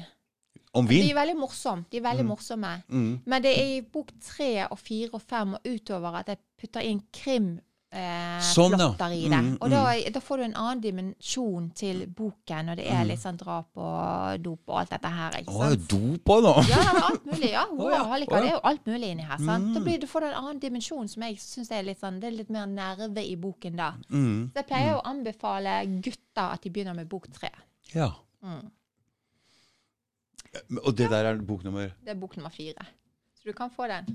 Men du bør lese bok tre først. Ok. Den skal du få òg. Ja, takk. Yes, yes, yes. Det skal jeg lese. Så det er spennende. Men Du, det står story, hva er det den boka egentlig handler om? Um, Nei, Innledningen er jo om brasiliansk, da. er det deg, Trude? Ja. Jeg mekker biler, jeg. Jeg liker å mekke på biler òg. Gjør du det, eller? Ja. Steven. Hæ? Hadde ikke trodd. Nei. Bilmekaniker og vin... vin, vin Ja, og så du, snakker jeg. du overrasker nå veldig. Ja. Nei, men jeg liker verktøy, og jeg liker å snekre, og jeg liker å mekke bil, og jeg liker Ja. vin. Mm. Og jeg er jo mer øl, har vært mer øljente enn jeg har vært vinjente, da, men det har, har snudd litt grann nå. Mm, Så, eh, så alt jeg kan gjøre sånn fysisk, det, det liker jeg veldig godt. mm, Og jeg liker å finne ut av ting, så derfor er jeg ikke redd for å begynne å grave i motoren min, eller hvis kjøleskapet ryker. Så prøver jeg å finne ut hva som er galt, og hva jeg sjøl kan eh, gjøre for å fikse det. ikke sant? mm. Så jeg hadde et intervju med KK, for dette, de hadde jo fulgt litt med. da, og da eh, Hvordan det var etter at jeg ble separert. da. Mm. Eh, hvordan en kvinne kunne klare seg da uten en mann. ikke sant? Det er jo helt idiotisk. Hva Altså, hva trenger vi mannfolk? Ja, det er så flott. Hva trenger man mannfolk til? Man kan fikse det sjøl, sant? Altså, en mann kan jo gjøre alle de typiske kvinnesysler, og det kan jo være omvendt også, ikke sant? Det er ikke sånn at vi blir opplært. Ja, vi blir opplært. Men min far var veldig flink til å hjelpe meg med, med både bil og lære meg opp med å skifte dekk og snekre og herre, Han var jo ikke noen snekker. Men vi holdt på med dette her sammen. Så jeg har Mm. alltid hatt interesse for det. Jeg syns det er så gøy. I går lagde jeg en lebegg. Det så jeg på Facebook. Ja, var ikke den fin? Mm. Og da brukte jeg bare noe sånn her materiale som jeg hadde fra før. For at Mm. istedenfor at det ligger eh, stabla opp et eller annet sted og bare i veien, så tenkte jeg nei, nå snekrer jeg sammen den. Kjempefin. Mm. Det er gøy. Det er gøy, ja. Mm. Bra. Herregud, jeg tror vi kunne sittet en uke, vi. Synd du tar litt mer vin. jeg, Ja, den var ikke den god? Den er veldig god. Så frisk. Hvorfor slutta du å importere vin? Eh, Nei, men altså, den, eh, Når du importerer vin, så må du selge den vinen òg. Ja. Og du må selge den til eh, Vinmonopolet eller sånn, eller? Ja. Altså, jeg solgte jo også til eh, restaurantene den gangen. Ja, riktig. Men det, Mm. altså, da, jeg, jeg reiste jo land og uh, strand rundt og solgte inn til restauranter. Altså, men det er helsikens tidkrevende jobb. ikke sant? Så Mm. møter du disse snobbete hovmesterne som driver der og lukter og greier og sånn. Mm, mm. Så jeg fant ut at det her gidder jeg ikke. Nei. Jeg dropper restaurantene, for mye jobb. Jeg går rett på polet. Mm. Og for å få til litt salg på polet, så må jeg jobbe med journalistene. Så det ja. var min strategi da. Ja. Mm. Og jeg satset også på oversjøisk vin, altså vin fra USA, Australia, New Zealand, eh, Syd-Afrika. ikke sant? For jeg Mm. hadde ikke økonomi til å kunne konkurrere med de store norske vinimportfirmaene som hadde vært der i 50 år omtrent. Nei. Så jeg måtte finne på noe nytt. Mm. Og i 96 Mm. så drakk jo folk bare fransk og italiensk og spansk, og kanskje Mm. portugisisk. Det var Europa. Mm. Så jeg fant ut om jeg gjøre noe nytt med mitt firma. Så Mm. jeg bygget opp et brand som var da oversjøisk vin, og folk bare lo av meg. Mm. Jeg tuller ikke. De lo av meg fordi at jeg var kvinne i en mannsdominert bransje Mm. som hadde lyst til å gjøre mine ting annerledes enn det de hadde gjort. Mm. De bare, Det kommer aldri til å funke. Mm. Men i dag drikker jo folk like mye vin fra Australia ja. og Syd-Afrika som de gjør. ikke sant? Så jeg var en pioner innenfor den norske vinbransjen der. Mm. Ja. Det var veldig gøy. Men jeg sluttet med det da etter seks år fordi at det, det, det er mye jobb. Og så fikk jeg en liten en, så jeg hadde lyst til å bruke mer tid på det. Mm. Og så syntes jeg det var veldig gøy å skrive om vin, for da fikk du være med på de journalistturene som jeg tidligere arrangerte. Oh, ja. Og da har Mm. ikke du samme ansvaret Nei. når du gjør det samme. Mm. Så, eh, men jeg snuser på å begynne å importere igjen. Mm. Ja, for se. kommer borti mye Mye interessant vin, ja. ikke sant? Mm. Og så er jo det at For de eh, vinen du prøver om, er det vin du finner på polet som du har vinkurs om, eller Ja. er det eller, ja. Ja. Mm, mm, mm. det her må være tilgjengelig for folk. ja, riktig. Men hvis jeg skal begynne med vinimport igjen i dag, så vil jeg også kanskje tenke på og, eh, Hva mangler vi i Norge? Ja. Vin fra Moldovia og eh, de Ja. Sentral-Europa, de mm. østblokkene der og sånt. Det er utrolig mye gøy vin som Mm, som produseres mm, der nå. Mm. Hvor ekspertisen og fasiliteten og det tekniske utstyret har jo blitt enormt hevet. Mm.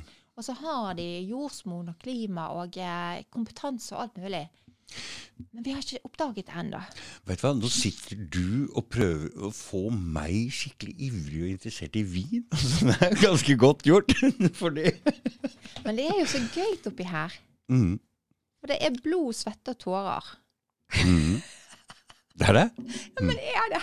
Det er et jordbruksprodukt Mm. Som er totalt avhengig av klimatiske forhold og en winemaker og eh, det er så mye kultur og tradisjon, ikke sant? Mm. Og hvis du skal virkelig ha glede av vin, så bør man styre unna viner som er laget i store kooperativ eller store bedrifter. Finne de små Ja. familiedrevne vinene som har passion for det, ikke sant? Mm. Sånn som Periquita, for eksempel, fra Portugal. Jeg har vært der nede og laget TV-program, da var jeg besøkte de, og han winemakeren der han skulle teste meg på min kunnskap. For vi Mm. begynte å snakke litt om hvilke emosjoner man får opp når man smaker på en vin. For jeg, når jeg holder vinkurs, beskriver jeg vin som mennesker. Og gjerne mannfolk. Oi. Mann med hatt eller eh, dørvakten i eh, Du er eksempel kanskje en Shiraz. Vet ikke hva Jeg skal, jeg skal ikke gå inn på hvorfor. Nei, ikke gjør det. Men, Helst ikke. men han sa det at her har jeg laget en vin. Mm. Hvem er det? Mm. Hvem er det, sier Ja. han. Mm. Mm. Han sa ikke hva er det, han sa hvem er det. Mm. Og så, så, så smakte jeg og kjente på denne vinen her, så får jeg bare opp en følelse og sier dette her er en kvinne. Mm. Sofistikert, men bestemt, soft, men samtidig der. Det var deg sjøl? Nei. Og så fikk jeg bare opp Ja, men dette er jo din mor. Din mor? ja. Mm. Og han sa han bare Ja! Og når hun ble 70 år, så fikk han lyst til å gjøre noe spesielt for henne. Oh, ja. Så han da prøvde med denne vinen, de beste druene, og prøvde og prøvde å skape en vin som var mest mulig beskrivende for henne. Mm. Og hvor myk og kunnskapsrik og raus og tålmodig, men samtidig tydelig. Så han bare satt sånn Ja, det er min mor! Det er min mor! Det var helt fantastisk. Ja. Så det er så mye i de der glassene der. Mm. Hvis man klarer å, å eh, nyte vin og det som er der, istedenfor bare å tenke på det som når du drikker og du blir litt beruset av noe sånn god stemning, men gå litt grann inn i det, så er det skatter. Hva er det Så du sår i meg nå, Trude? Det er så mange skatter, vet du. Ja, det er Ja, det var overraskende. Ja da, Men, det er det. Så det er derfor jeg, jeg drikker jo aldri sprit. Nei, nei, nei. nei. Det har jeg aldri vært. Har aldri hatt sans for det. Sånn folk når jeg ser på sånn TV og sånt, og de skal ha tequila-shot og alt det. Jeg skjønner ikke det der. Og det er vondt òg. Ja, det, det er vondt. Oh det my smaker dritt. god! Det er jo derfor de tar masse salt og en sitron i munnen etterpå for å få bort den smaken. Altså, sprit og alle sånne her eh, kommersielt eh, industrielle produkter og sånn, som du bare blir drita full av. Mm. Og du mister både hemninger og IQ, og alt bare forsvinner. Sånn, eh, why? Fordi Grunnen til at jeg er litt som motstander mot alkohol, er jo fordi jeg har fått alkohol inn med din, ja. morsmelka her, med farsmelka, si. For faren min var jo alkoholiker. Mm. Så det er ikke så hyggelig greie. Så Og det er så fort gjort. Så der er jo Det må folk tenke litt over. fordi at det, hva, Hvorfor nyter man alkohol? Eller hvorfor drikker man alkohol? mm, Og nå blir det for mye? Folk må ha et bevisst forhold til det. mm, Og jeg også ser jo det der at hvis man er vokst opp med, med foreldre som ha, har det problemet der, altså, så skjønner jeg veldig godt at man får en Man Får litt sånn Ja. aversjon mot det, ikke sant? mot fulle folk og i det hele tatt. Men at alle går igjennom en fase hvor man drikker mye, sånn som ungdommen og alt mulig, sånn, det er jo helt naturlig. Og Jeg det er sånn klarte aldri å komme gjennom den herregud, den. Jeg bodde jentekollektiv, så vi var jo liksom ute på byen torsdag, fredag, lørdag, søndag, Mm. mandag. Jeg brukte knark isteden. Ja. Jeg likte ikke å være full. Jeg hata til slutt den der ølposen vi gikk og bar fra. den der ølposen det helt fra vi var tomt, vet 12-13 år. Ute om vinteren og fikk ikke drikke opp den. Den smakte så vondt. vondt. To Og... sixpack. ja. Men altså, det har jo altså, Så lenge vi har gått på to bein altså, vi, altså Til og med dyr ruser seg. Ja. Mm. Spiser frukter og alt mulig som det gir du en, eh, en slags eh, Rus, tilnærmelse av rus. ikke sant? Så dette Mm. her er jo helt normalt, og mennesker har jo gjort det i alminnelige tider. Mm. Man setter jo seg i en tilstand hvor man kommer, og man åpner opp noen kanaler Ja da. Mm. Og får en slags kommunikasjon. Ja da, det gjør det. Ja, så, eh, så eh, det er jo både positive ting og negative ting med all Mm. type rus. Med all type rus er det det. Mm. Holde en gyldig eh, Nå har vi hatt denne rusdebatten også, som jeg syns har vært veldig eh, givende, egentlig. mm, Jeg syns det har vært uh, interessant å følge med. At det er så mange som vil uh, på en måte avkriminalisere eh, Ja. forskjellig rus. Jeg syns det er bra. Jeg syns Ja, det det er på tide. ja. Fordi mm, å få et mer normalt snakke, Det er så mange som ruser seg, men det er jo ingen som tør å si det. Mm. Så hvis vi får det litt opp på bordet, så kanskje vi kan ha litt mer naturlig forhold til det. Mm. Ikke um, alltid derfor det er det skjulte misbruket som egentlig er uh, det skumle her. Ja, men altså å avkriminalisere det. For jeg tenker jo sånn at eh, hvis du får den samme rusen derfra, så er det liksom eh, kriminelt. Men får du det f.eks. fra legemiddelindustrien, så er det lovlig, ikke sant? Mm. Tenk på så veldig mange mennesker som ruser seg på piller. Og de, jeg har så mye dårlig å si om de, Ja, f.eks. om benzo-greiene. benzo-greiene. Fy faen, den Jeg ble Den verste- påkjørt jeg, av, en, eh, av en kvinne. Jeg kom jo ned på min re røde racersykkel, og jeg sykla fort, altså. mm. Jeg brukte bare sykkel.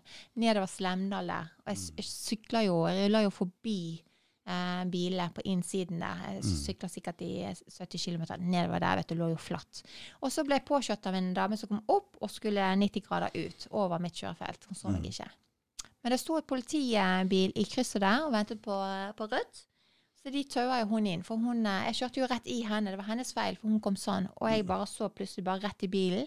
Meg og sykkel. Vi føk over panseret, så landet vi der med et brak. Og hun ble taua inn, og hun var jo da rusa på medisiner. Mm, mm. Mm. Du vet Nå kom den lyden igjen.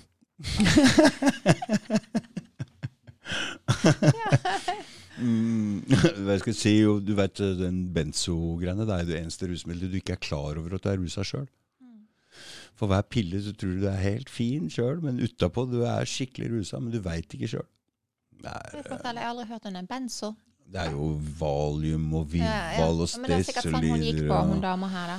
Sånn Rivotriler og ikke sant, det er jo um, Jordan Peterson ble jo eh, avhengig av det der. Jeg vet ikke om du fikk med deg det. Han måtte jo legge seg inn og Det er veldig vanskelig å bli kvitt den avhengigheten der. Og du blir jo servert til deg av uh, Ja, ja. folk som kaller deg for medisin, og du er liksom Det er vanskelig å Mm. Det er cocktail, vet du. mm, Og så mm, bruker du den, så bruker du den i tillegg, så får du den der. ikke sant? Og så bare putter du Det er rene superfest, vet du. En cocktail i en sånn greie som folk bare dytter i seg. mm, Så det her er jo helt Å ja, og mange vet jo ikke om det, for dette det blir normal, ikke sant? mm, mm. Så det er en skremmende Skremmende utvikling, det, altså. Mm. Det der at det er så lett for legene å bare skrive ut en resept til, og en til, Mm. og en til, og en til. Mm, det er sant. Jeg er veldig skeptisk til uh, ting fra legen. jeg òg. Jeg tror det er bra. ja. Trude, er det noe mer du vil snakke om? Ja, vi drikker Ja, men vin? altså, jeg kunne sittet her en uke, men jeg tenker vel at vi eh, har vel eh, Vært igjennom Litt i hvert fall. Ja, det har vi. Mm. Og det var veldig hyggelig, syns jeg. Ja, det synes jeg var veldig hyggelig sjøl også. Mm. Tusen takk for at du kom, Trude. Bare en glede. Ha det.